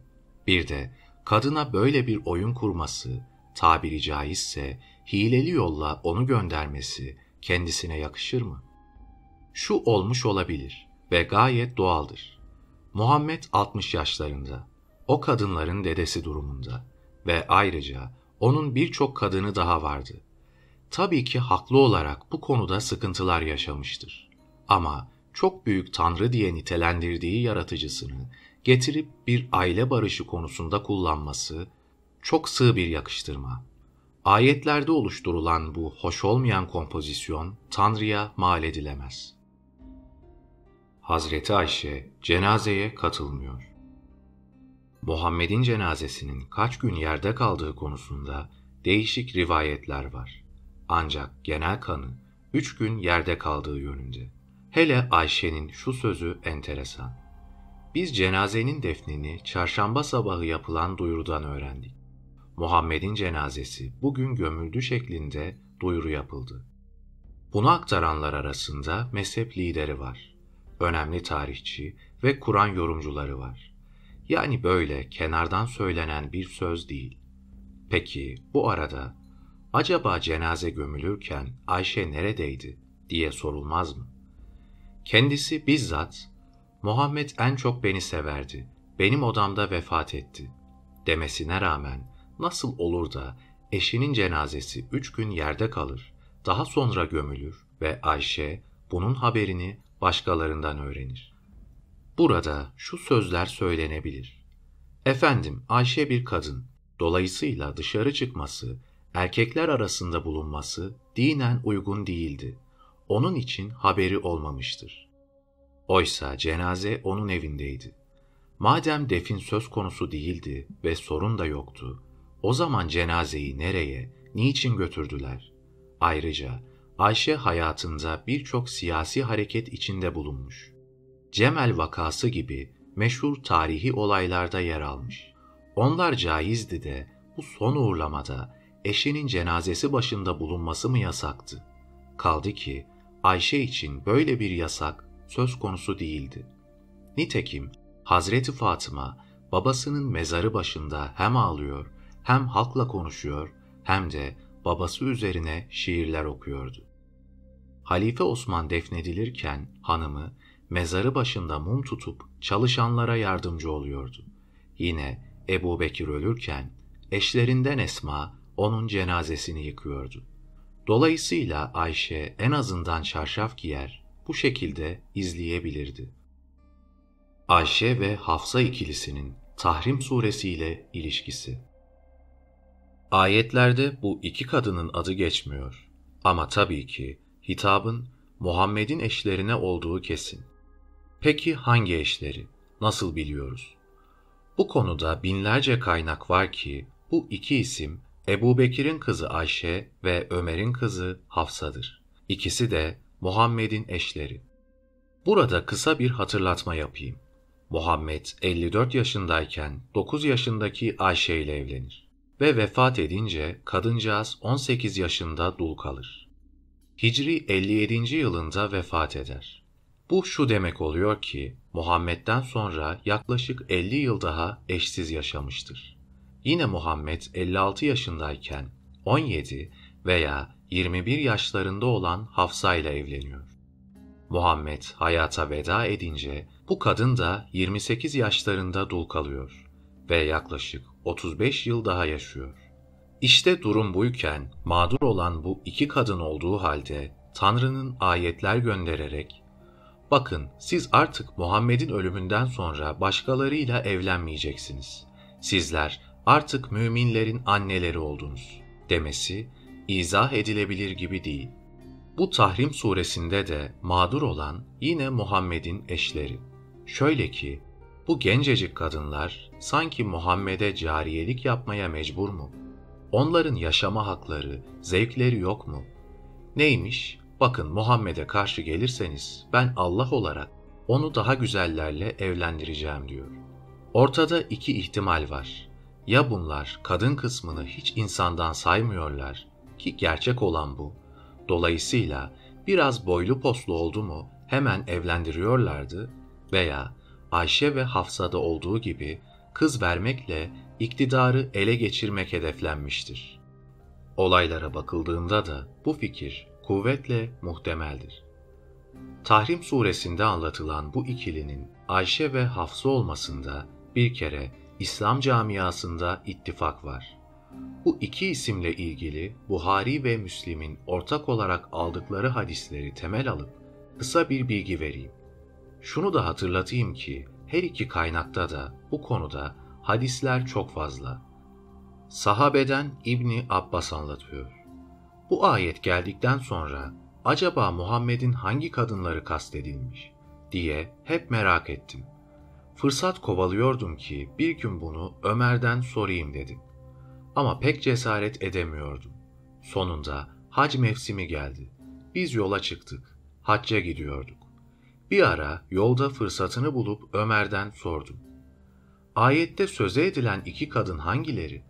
O da, hayret sana, bu iki kadın Ayşe ile Hafsa'dır. Bunu nasıl bilmezsin, dedi. Daha önce de belirttim. Tefsirlerde anlatılan bal şerbeti olayı, bilmem Muhammed falancanın sırasında filanca eşiyle yakalandı gibi hikayeler bir yana, ortada bir gerçek var. Muhammed, Ayşe ve Hafsa'ya bir söz vermiş. Olup bitenlere karşı onları durdurmak için kendilerine torpil yapmış. Söz veriyorum. Ben gidersem benden sonra babalarınız Ebu Bekir ve Ömer halife olacaklar. Tabii ki bu Muhammed'in isteğiyle olan bir teklif değil, zorunlu bir sözdür. Ancak anlık bir söz. Olayları yatıştırmak için o an söylenmiş geçici bir söz. Çünkü yerine kimi belirlediği konusunda çok tartışmalar var. İşin içinde özellikle Hazreti Ali ismi öne çıkmakta. Diyelim ki aralarında başka hiçbir olumsuzluk da yoksa bir kere bu halifelik sözünün verilmesi zaten Muhammed için tehlikeli. Çünkü söz verilmiş, zamanda hızla ilerliyor ve adamlar da onun yaşıtları. Onun için bir an önce işbaşı yapalım hesabıyla kendisine karşı suikast yapmak için geçerli bir neden. Kaldı ki kanıtlar zaten güçlü ama bu da onlar için önemli bir neden. Bu gibi planlar konusunda Ebu Bekir pek aktif biri değildi. Aslında Ömer onu çok kolay yönlendiriyordu. Tahrim suresiyle ilgili bilgiler daha bitmedi. Somut kanıtlar var. Burada birçok hadis kaynağında geçen bir olayı en başta Buhari ile Müslim'den aktarayım. Muhammed bir ara Ayşe'nin evini göstererek üç sefer tekrarlıyor. İşte küfür ve fitne buradadır. Şeytanın boynuzunun çıktığı yer burasıdır, diyor. Bu sözü Ayşe'nin evinden çıkınca üç sefer söylediği şeklinde rivayetler de var. Aynı sözü başka zamanda Hafsa için kullanmıştır. Burada gözden kaçmaması gereken ince bir nokta var.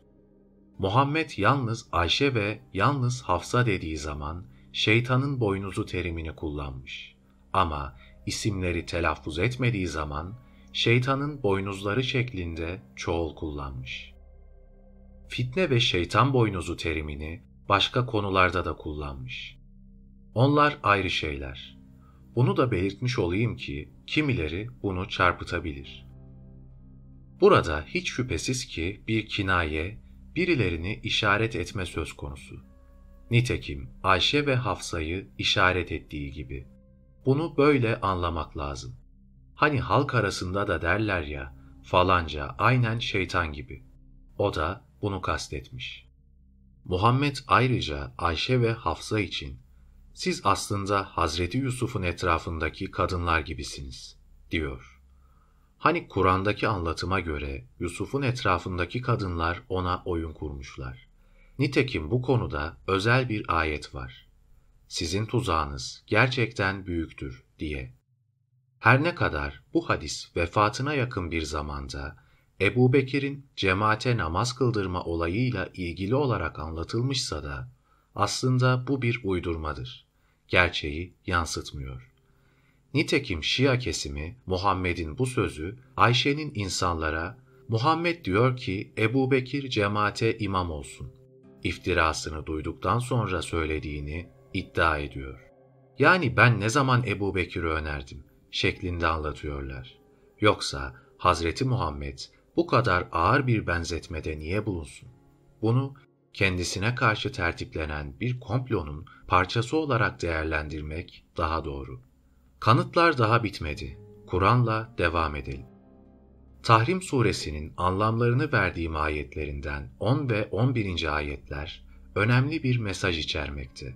Ama İslam düşünürleri bunlara hep basit anlamlar yüklemişler. Farklı yönlere çekmişler.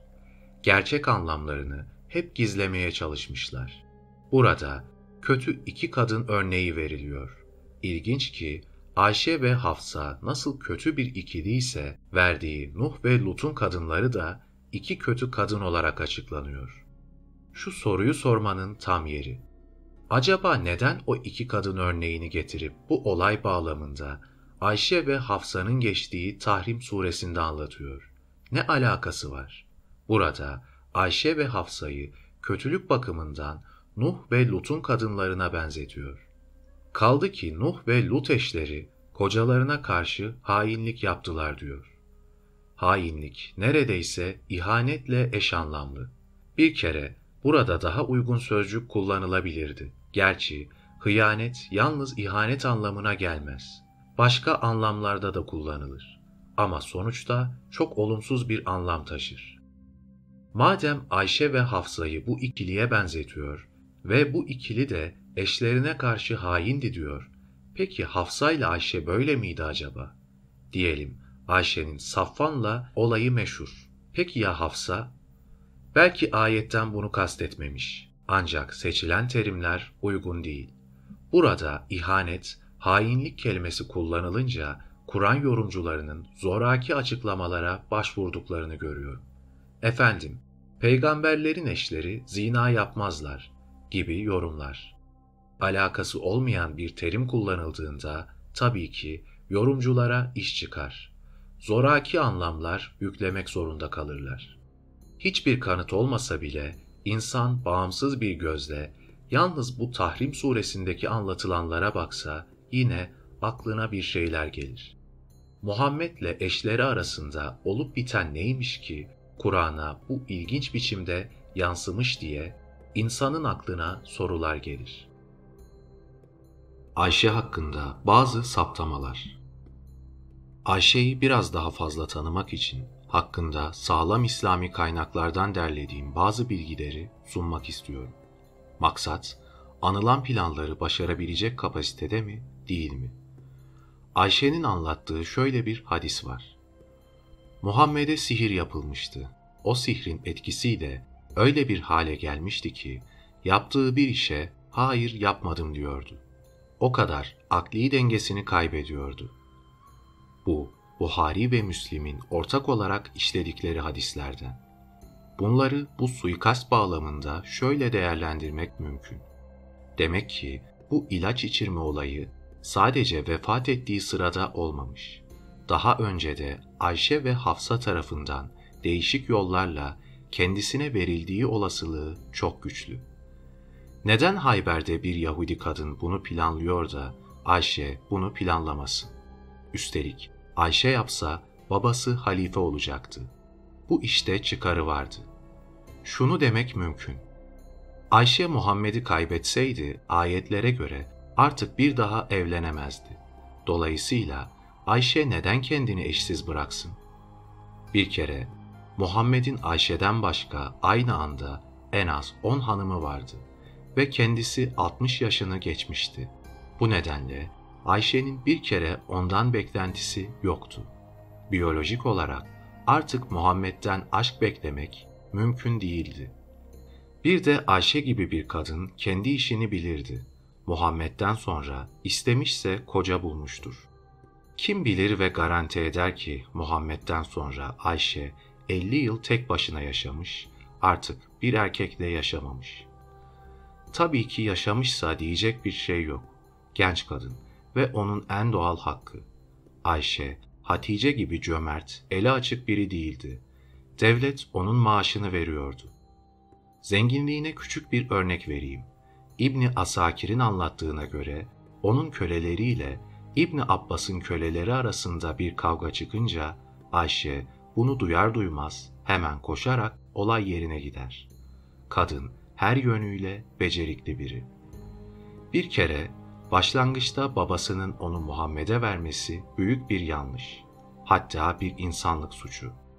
İster yaşı 9 olsun, ister 15, fark etmez. Bir kere Muhammed 55 yaşlarında ve başka hanımları da var. Bunun savunulacak hiçbir tarafı yok. Burada demek istediğim aşk konusunda Ayşe'nin zaten Muhammed'den bir beklentisi yoktu. O yüzden Ebu Bekir ve Ömer Muhammed hakkında bir suikast planlamışlarsa ve o da bu iki kadın tarafından uygulanmak istenmişse bunlar rahatlıkla bu plana iştirak etmişlerdir. Muhammed'in vefat ettiği Haziran ayı ki o coğrafyanın en sıcak aylarından. Kaldı ki bugün gibi sıcaklığa karşı tedbir de yok. İşte halifelik kavgaları yüzünden cenaze o yaz sıcağında üç gün dışarıda kalır. Burada cenazenin ne kadar bozulduğunu insan herhalde tahmin ediyor. Daha önce de söyledim. Cenaze üç gün yerde kalmıştır. Ama Ayşe kendi evindeydi. Ebu Bekir'le Ömer de o üç gün içinde halifelik peşindeydi. Bu büyü bahsinden bahsetmekteki maksadım şu. Birileri Muhammed'e sihir yapmıştı. O da akli dengesini kaybetmişti sözü, mantık ve ilmi açıdan boş bir iddiadır. Aslında bu da Muhammed'e yapılmak istenen planın bir parçasıdır. olay sihir değil. Belki de ilaç içirmek gibi bir komplo söz konusu. Tekrarlıyorum. Sihir yapıldı açıklaması zaten Ayşe'ye dayanmakta. Tabii ki bu da anlamlı. Hadis uzun ve içinde çok lüzumsuz şeyler var. Ben hepsini anlatmadım. Mesela Ayşe diyor ki, bu büyü Muhammed'e o kadar olumsuz etki yapmıştı ki hanımlarıyla seviştiği halde sevişmedim diyordu. Bunun farkında değildi. Sonuçta bir gün Muhammed bana dedi ki, Ayşe ben çaremi buldum. İki melek bana gelip dediler ki bu adama sihir yapılmış. O sihrin malzemesi de Yahudilere ait olan Zekvan kuyusuna atılmış. Bunu anlattıktan sonra ben ve Muhammed gittik. Söylediği malzemeyi kuyudan çıkardık. Böylece onun büyü işi bitti. Rahatsızlığı geçti. Bu arada ben Muhammed'e "Peki bunu insanlara anlat." dedim. O da "Gerek yok. Nasılsa ben sağlığıma kavuştum." dedi. Bunları anlatan Ayşe'nin kendisi. Çok açık ki Ayşe çaktırmadan ona bir şeyler yedirmiş. Onun izini benzer uydurmalarla kaybettirmeye çalışmış. Ama kaybolmaz ki çünkü açıklamalar inandırıcı değil. Ayşe'den farklı bir hadis. Muhammed hastayken bana, Ayşe sen benden önce ölseydin ben sana dua ederdim dedi. Ayşe devam ediyor. Lafa bak, vallahi benim bildiğim sen ölümümü istiyorsun. Halbuki senden önce ölsem aynı gün sen gider başka hanımlarınla aşk yaşarsın, diyor. Ayşe'nin bu hadisi en başta Buhari'de ve pek çok yerde geçmekte. Bir de değişik kaynaklarda bunun farklı versiyonu da var. Hz. Muhammed Ayşe'ye, sen benden önce ölseydin ben senin cenaze namazını kılar, seni kabre indirirdim, diyor. Bunun üzerine Ayşe tepki gösteriyor. Bu açıklaman gösteriyor ki sen bir an önce gitmemi ve benden kurtulmayı istiyorsun, diyor. Belli ki Muhammed ondan kurtulmak istemiş. Ancak çaresini bulamamış. Hele Muhammed'in Ayşe hakkındaki şu açıklaması şüpheleri daha da arttırmakta.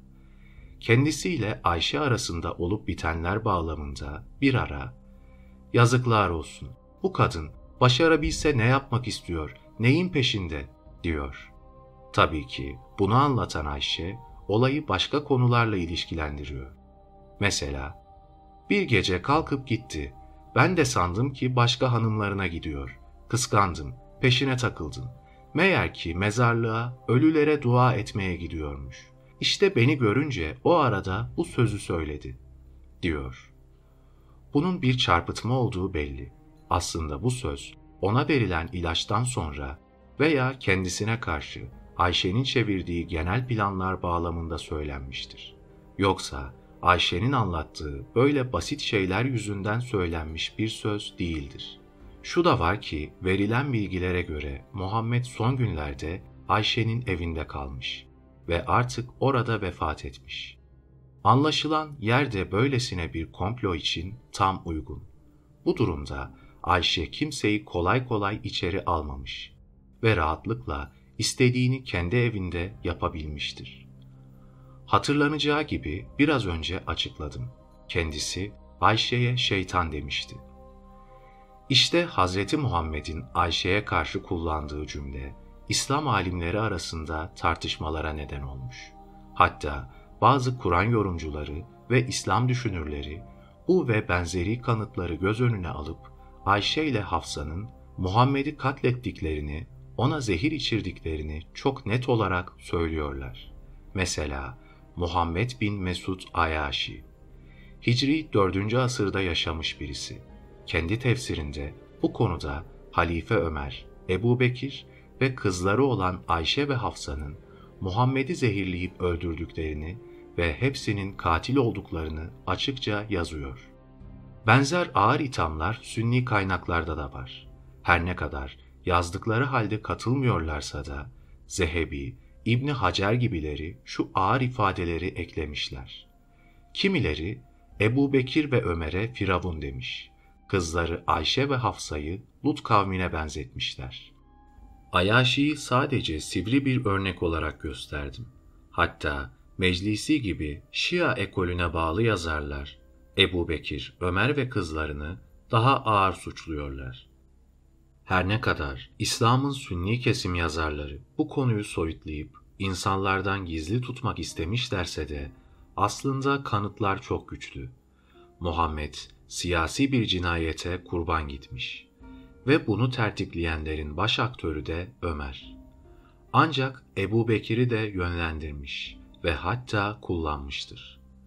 Bunu yaparken de en önemli avantajları kızlarının Muhammed'le evli olmaları ve onunla yaşamaları. Zaten Muhammed'den sonra Ömer'in Ebu Bekir için aktif bir şekilde çalışması aslında kendi geleceğinin altyapısını güçlendirmek içindi. Bunu hep söylüyorum. Nitekim Ömer'in yaptıklarına dayanamayan Ali bunu açıkça Ömer'e söylemiştir. Aslında Ebu Bekir senin umrunda değil, sen bununla geleceğini garantiye almak istiyorsun, demiştir. Şimdi farklı bir tarihçiden bazı bilgiler sunacağım. Bu adam, Hazreti Ali ile çok samimi, onunla birlikte yaşayan biri. Adı Selim bin Kays Hilali. Kitabında enteresan şeyler anlatıyor. Selim'in anlattıklarından bir özet sunayım. Ebu Bekir, Ömer, Ebu Ubeyde, Muaz bin Cemel ve Salim başta olmak üzere Muhammed'in Ali'yi halife olarak adres göstermesi yüzünden harekete geçenler kendi aralarında bir plan yapıyor. Bunu da uygun zamanda Kabe içinde yürütüyorlar. Hani ibadet yeridir, kimse bunu tahmin etmez düşüncesiydi. Muhammed bu planı bilmesin diye Ayşe ve Hafsa'ya da bu konuda görev veriyorlar. Onlar Muhammed'e göz kulak oluyor. Daha sonra sayı hayli kabarıyor. 34 civarında bir kitle bu plana dahil oluyor ve giderek sayı artıyor. Sıra sözleşme metnini yazmaya gelince Ebu Bekir'in evinde toplanıyorlar. Said bin As da bu sözleşmenin katipliğini yapıyor. Olay tarihi Hicri 10. yıl. Bir yıl sonra da Muhammed vefat ediyor. Yazılan yazı Ebu Ubeyde'ye veriliyor. O da götürüp Kabe'de uygun bir yerde gömüyor. Belge orada kalıyor. Ta ki Ömer halife oluncaya kadar. Peki alınan karar ne? Hedefleri Ali'nin halife olmasına fırsat vermemek için bir darbeyle Muhammed'i ortadan kaldırmak. Bu gerçekleştikten sonra da sırayla Ebu Bekir, Ömer ve Ebu Ubeyde'nin halife olmalarına karar veriyorlar.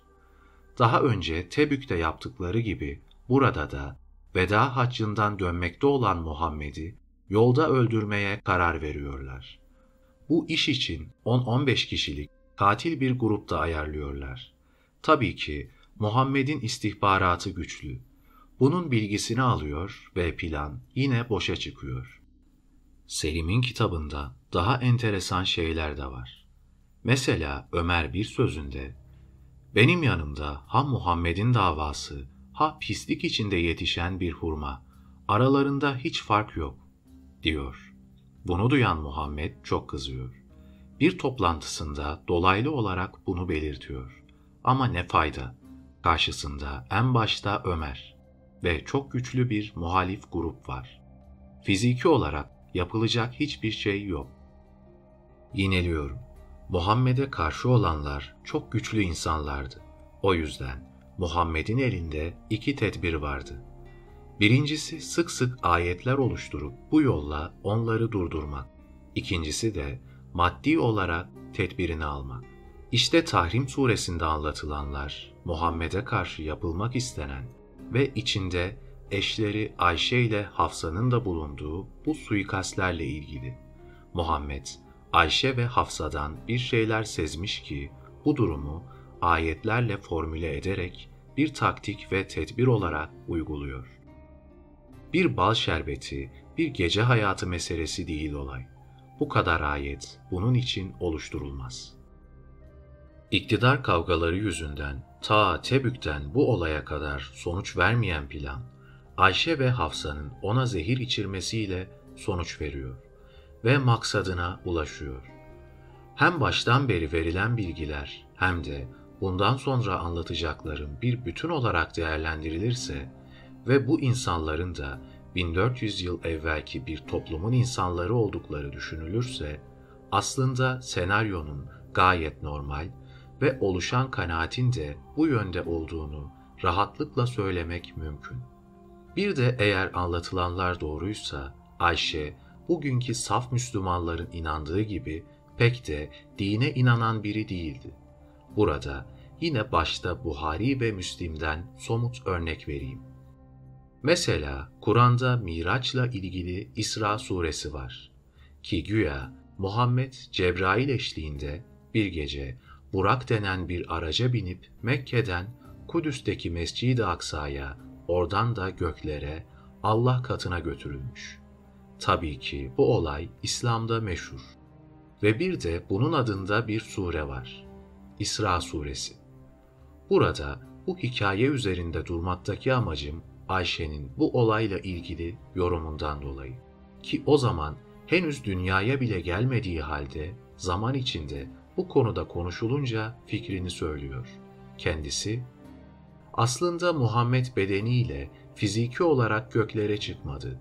O ancak rüya yoluyla bunları anlatıyor, diyor. Yine en başta Buhari ve Müslim'de geçen Ayşe'ye atfedilen önemli bir söz var. Ashab suresi 50. ayetin bir yerinde denir ki, Muhammed bir kadını eğer beğenirse ona mehir ücretini vermeden alabilir. Yine 51. ayette Muhammed'e tam özgürlük verilmekte. Kadınlarından istediğini boşayabilir, istediğini geri getirebilirsin. Eşlerin arasında geceleyin sıralama yapmak zorunda değilsin gibi avantaj ayetleri oluşunca Ayşe buna çok kızar ve o meşhur sözünü burada söyler. Bakıyorum senin Allah'ın senin zevkin doğrultusunda acele ederek hemen ayet gönderiyor. İşte benzer örneklere bakılınca Ayşe'nin Muhammed'in peygamberliğine inanmadığı düşüncesi kesinlik kazanmakta.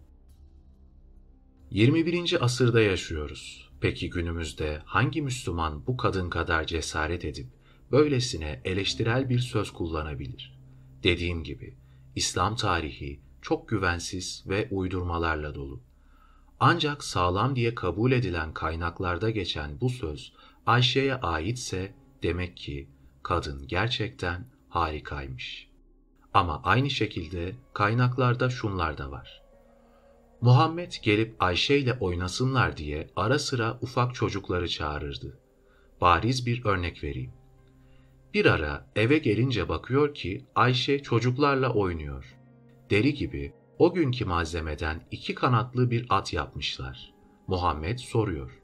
Bu da ne? Ayşe, bu Süleyman peygamberin atı. Hani onun da atının kanatları varmış ya. Karşılığını verince Muhammed gülmekten bayılıyor. İşte bir taraftan oyuncaklarla oynayan küçük bir çocuk, diğer taraftan da neredeyse filozof gibi gösterilen bir Ayşe. Onun için karşımızda uyduruk bir resmi İslam tarihi var. Ayşe ister filozof olsun, isterse çocuk. Ömer, onu ve Hafsa'yı bu komploda bir piyon olarak kullanmıştır. Hatta bu konuda Ebu Bekir bir hiçtir demek mübalağa sayılmaz. Saflığına ve hiçliğine küçük bir örnek vereyim. Bilindiği gibi onun lakabı Sıddık'tır. Bunun tarihçesi şu. Muhammed, ben miraca çıktım deyince o da tartışmasız olarak buna inanacağını söylemiş ve bu ünvanı bu olaydan sonra almıştır. Sıddık demek, çok doğru sözlü demek. İşte böylesine saf bir Ebu Bekir'i Ömer kolay kolay yönlendirebilir. Hele biraz da ona prim vermişse iş tamam olmuştur. Hafsa'nın da bu konuda bir hadisi var. Muhammed'e, bakıyorum sen hasta olduğunda Ebu Bekir'i namazda öne geçiriyorsun, diyor. Buna karşı Muhammed, ben öne geçirmiyorum ki, Allah onu öne geçiriyor, diyor. Nerede bu gibi sözler varsa bunlar hep nedense Ayşe ve Hafsa'ya dayanıyor. Belli ki onlar da iyi çalışmışlar. Halife Ömer, Hazreti Muhammed'i konuşturmuyor. Hazreti Muhammed ölüm döşeğindeyken bana kalem kağıt getirin. Size öyle bir vasiyette bulunayım ki onu yerine getirirseniz zarar görmezsiniz diyor. Bunun üzerine Halife Ömer, Hazreti Muhammed artık hastadır. Ne dediğini bilmiyor. Dolayısıyla Kur'an var. O bize yeter diyor ve söze edilen o vasiyetin yazılmasına engel oluyor. Hazreti Muhammed'i konuşturmuyor. Tabii ki Ömer'in bu sözü üzerine orada bulunanlar arasında tartışma çıkıyor. Kimisi, madem Muhammed'in arkasında Allah var, hasta da olsa yine doğru konuşur, diyor. Kimisi de Ömer'i haklı buluyor. Bunun neticesinde Muhammed onlara çıkın buradan, diyor ve vasiyet yazılmadan konu kapanıyor. Hatta İbn Abbas, hayret, bırakmadılar ki peygamber sözünü tamamlasın diyor. Bu açıklama en başta Buhari'nin eserlerinde birçok yerde, Müslim'de ve diğer İslami kaynaklarda anlatılmakta. Burada kullanılan tartışmalı bir terim var. Ömer, yukarıdaki cümleyle birlikte burada Muhammed'e karşı hecere kelimesini kullanıyor. Bunun anlamını İbni Esir'den öğrenelim. Hecere demek boş konuşmak, ne dediğini bilememek diye genel sözcük anlamını verdikten sonra az önceki hadise değiniyor ve Hazreti Muhammed'e bunu demekten kasıt artık hastalıktan dolayı sözlerini karıştırıyor, sağlam konuşamıyor demektir, diyor ve ekliyor. Hazreti Muhammed'e karşı bu ifadeyi kullanan da Ömer'in kendisidir. Aynı açıklama İbni Manzur tarafından da yapılmıştır. Ömer sadece bu olayda itiraz etmiyor. Yine bu hastalık anında Muhammed hanımlarından kağıt kalem istiyor. Verin size önemli şeyler yazayım diyor. Onlar getirmeye çalışınca o sırada Ömer geliyor. Durumu öğreniyor. Siz kadınlar ancak ağlamaya varsınız. Başka neye yararsınız? diyor ve burada da engel oluyor. Bunun üzerine Muhammed, kadınlar senden daha iyidir diyor. Bunlar aslında önemli açıklamalar. Sonuç şu, Ömer Hazreti Muhammed'e artık hastadır, akli dengesi yerinde değil, abuk sabuk konuşuyor. Dolayısıyla onun söylediklerinin bir değeri yok demek istemiş. Kullanılan kelimenin anlamı bu. Şu da var ki bir kere Ömer'in ona karşı çıkması İslam inancına uygun değil. Eğer inansaydı Muhammed'in projesinde Allah var, İslam inancına göre Allah cansızları da, hastaları da konuşturur. O zaman bunu söylemezdi. Çünkü iş sadece akılla olsa o zaman Muhammed'in mucize iddiası nerede kalır? Yani ne olursa olsun bu karşı çıkış Ömer için olumlu değil. Ancak Ömer'in burada korktuğu bir şey varmış ki karşı çıkmış. Halife Ömer neden telaşlıydı? Bunun muhtemel nedenlerini anlatacağım. 1. Belki Muhammed bu son nefesinde Ömer'in de içinde bulunduğu Tebük'teki suikastçileri ve yine Ömer'le Ebu Bekir'in kızları Ayşe ve Hafsa aracılığıyla Muhammed'e karşı tertipledikleri komployu açıklar endişesi Ömer'i sarmış olabilir. 2. Belki damadı Ali'yi toplum içinde halife ilan eder korkusu. İşte bu durumda Ömer'in planı suya düşerdi. Tabii ki her iki neden de önemli. Hatta son nefeste Hazreti Ali onun yanında yalnız kalıyor ve dışarı çıkınca soruyorlar. Muhammed'in durumu nasıl? O da iyi diyor. Ancak amcası Abbas artık Muhammed'in çok ağır olduğunu ve vefat etmek üzere bulunduğunu söylüyor. Tabii ki bu baş başa kalmakta Muhammed'in ona halifeliği konuştuğunu söyleyenler ta o zamandan vardı. Hatta Hazreti Muhammed'in Ali'yi kendine vasi olarak seçip seçmediğini Ayşe'den soruyorlar. Ayşe çok sert tepki gösteriyor. Bu da nereden çıktı? 24 saat Muhammed'in yanındaydım. Hatta tuvalet ihtiyacını altından aldım. Böyle bir şey olsaydı ilkin ben duyardım, diyor. Ve Ali'nin vasi olduğunu inkar ediyor. Bunlar en başta Buhari'de anlatılan şeyler. Az önceki hadis çok uzun ve ilginçtir. Ayşe ile ilgili bu hadis sadece Buhari'de 18 yerde tekrarlanmakta. Ayşe burada Ali ile ilgili önemli açığı da veriyor. Ona kızgın olduğunu belirtiyor. Şöyle diyor. Benim ifk olayıyla ilgili henüz Nur suresindeki ayetler inmemişti. Bu konudaki belirsizlik sürüyordu. Bir ara Hazreti Muhammed hem Ali hem de Usame bin Zeyd'i huzuruna çağırıp sordu.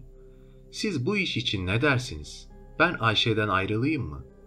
Üsame, senin eşindir. Sen onu daha iyi tanırsın, dedi. Ama Ali, ey Muhammed, dünyayı kendine dar etme, sanki sana kadın mı yok, dedi. Ali'nin bu sözleri Ayşe üzerinde çok olumsuz bir iz bırakmış. Çünkü daha sonra meydana gelen tarihi olaylarda Ayşe hep Hazreti Ali'ye karşı olan cephede yer almış. Konunun aydınlanması açısından şu olay önemli. Bir kere Muhammed son nefesinde Ali ile baş başa kalmış ve ona bir şeyler söylemiştir. Hatta hadisler var ki Muhammed Ebu Bekir ve Ömer huzurunda Ali'yi halife olarak ilan edince Ömer buna itiraz etmiş. Sen kendin mi Ali'yi tayin ediyorsun yoksa bu atama konusunda vahiy ile mi hareket ediyorsun? diye sormuş. O da ben vahiy ile konuşuyorum diye cevap vermiş. Mutezile ekolüne yakınlığıyla itham edilen İbni Ebil Hadid'den birkaç cümle eklemek istiyorum.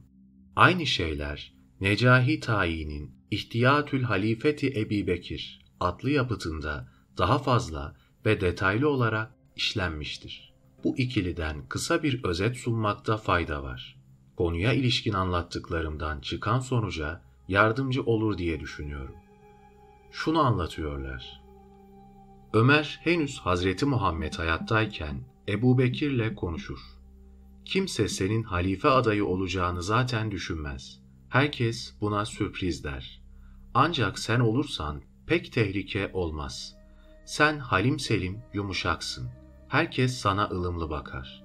Onun için ilkin seni halife yapalım. Bir yıl sonra da sen ayrılırsın. Ben başa geçerim gibi pazarlık ve senaryolar anlatılır. Hatta bir yıl geçtikten sonra Ebu Bekir çekilmek istemeyince aslında beklentim şuydu. Diyordum ki Ebu Bekir sistemi rayına oturttuktan, sükuneti sağladıktan sonra bir hafta içinde kendisi bir bahane bulur ve bir yılı beklemeden görevden ayrılır. Bana devreder. Ama işi uzattı. Şeklinde Ömer'den böyle bir açıklama aktarıyorlar. Zamanla Ebu Bekir ile Ömer'in arası açılır. Hatta Ebu Bekir Ömer'i hac görevinden alır. Daha da cesaret edip ileri giderek bir ara Ömer'e bana kalırsa sen bu halifelik işinden vazgeçersen daha hayırlı olur der.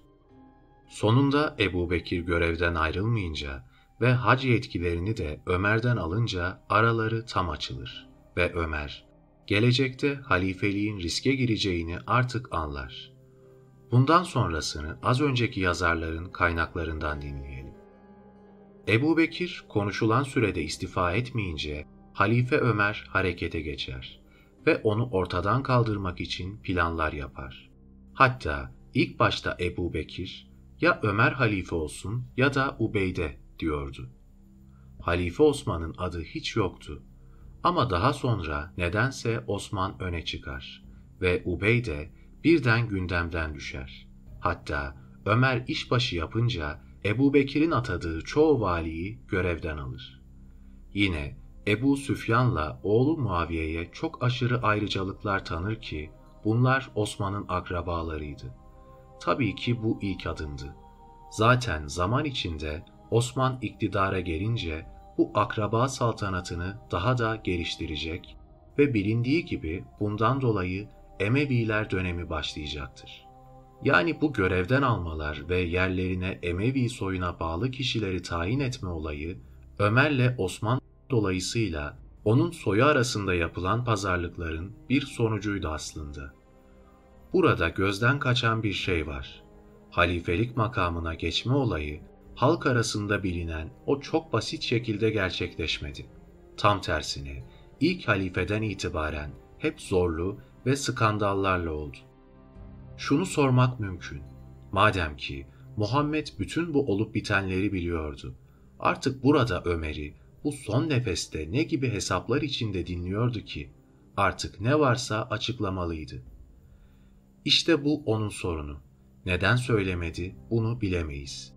Yalnız şu gibi hesaplar kuvvetle muhtemel.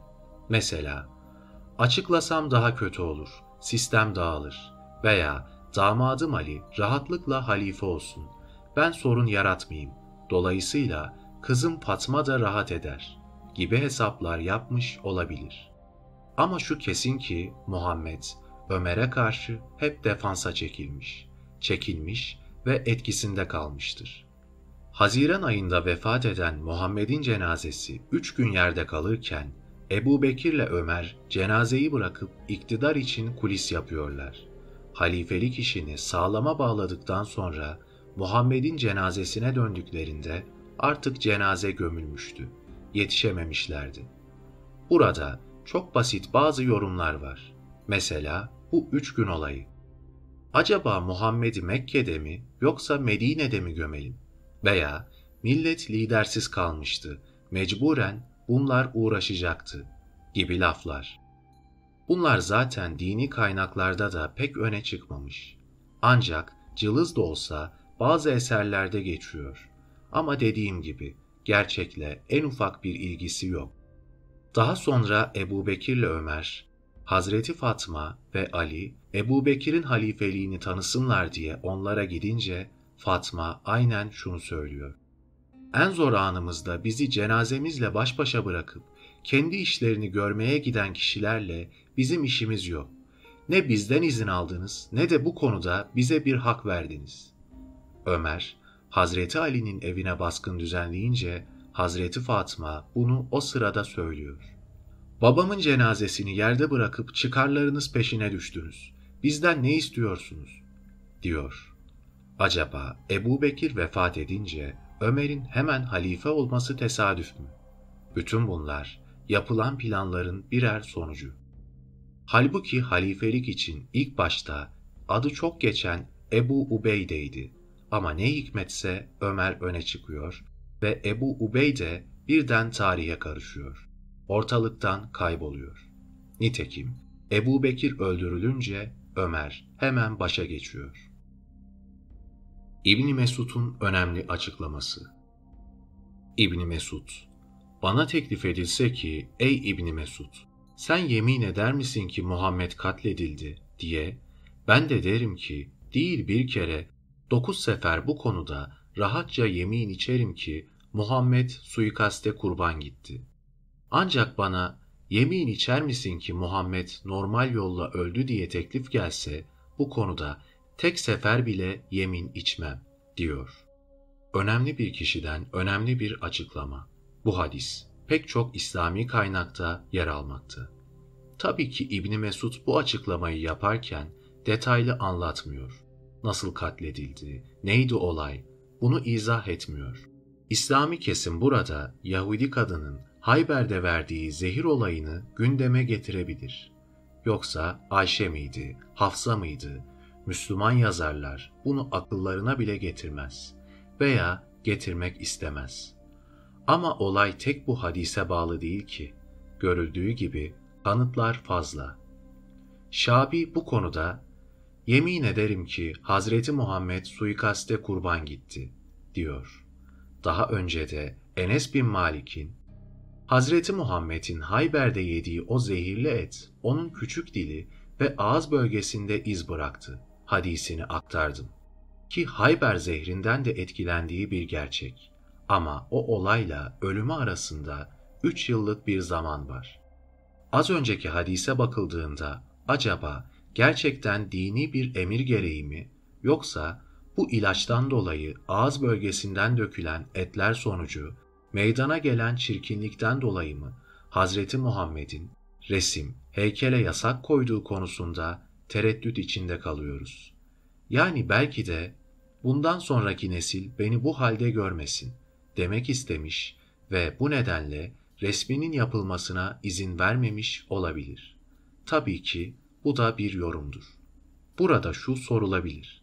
Peki bu anlatılanlardan nasıl bir sonuç çıkarmak gerek? Yani Muhammed'i Ayşe ve Hafsa aracılığıyla Ömer ve Ebu Bekir iktidar kavgası için mi katletti? Hayber'de yediği yemekten mi öldü yoksa normal kaderiyle mi? Buraya kadar anlatılanlardan okuyucu ne anlamışsa tabii ki bu onun algısı ve takdiri.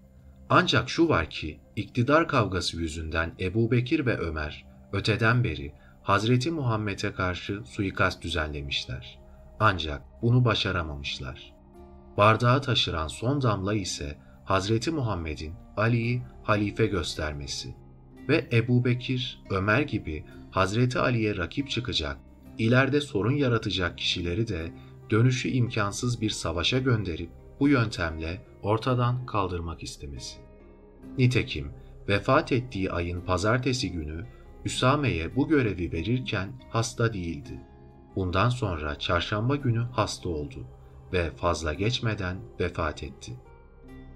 Demek ki artık ölüm kalım savaşı.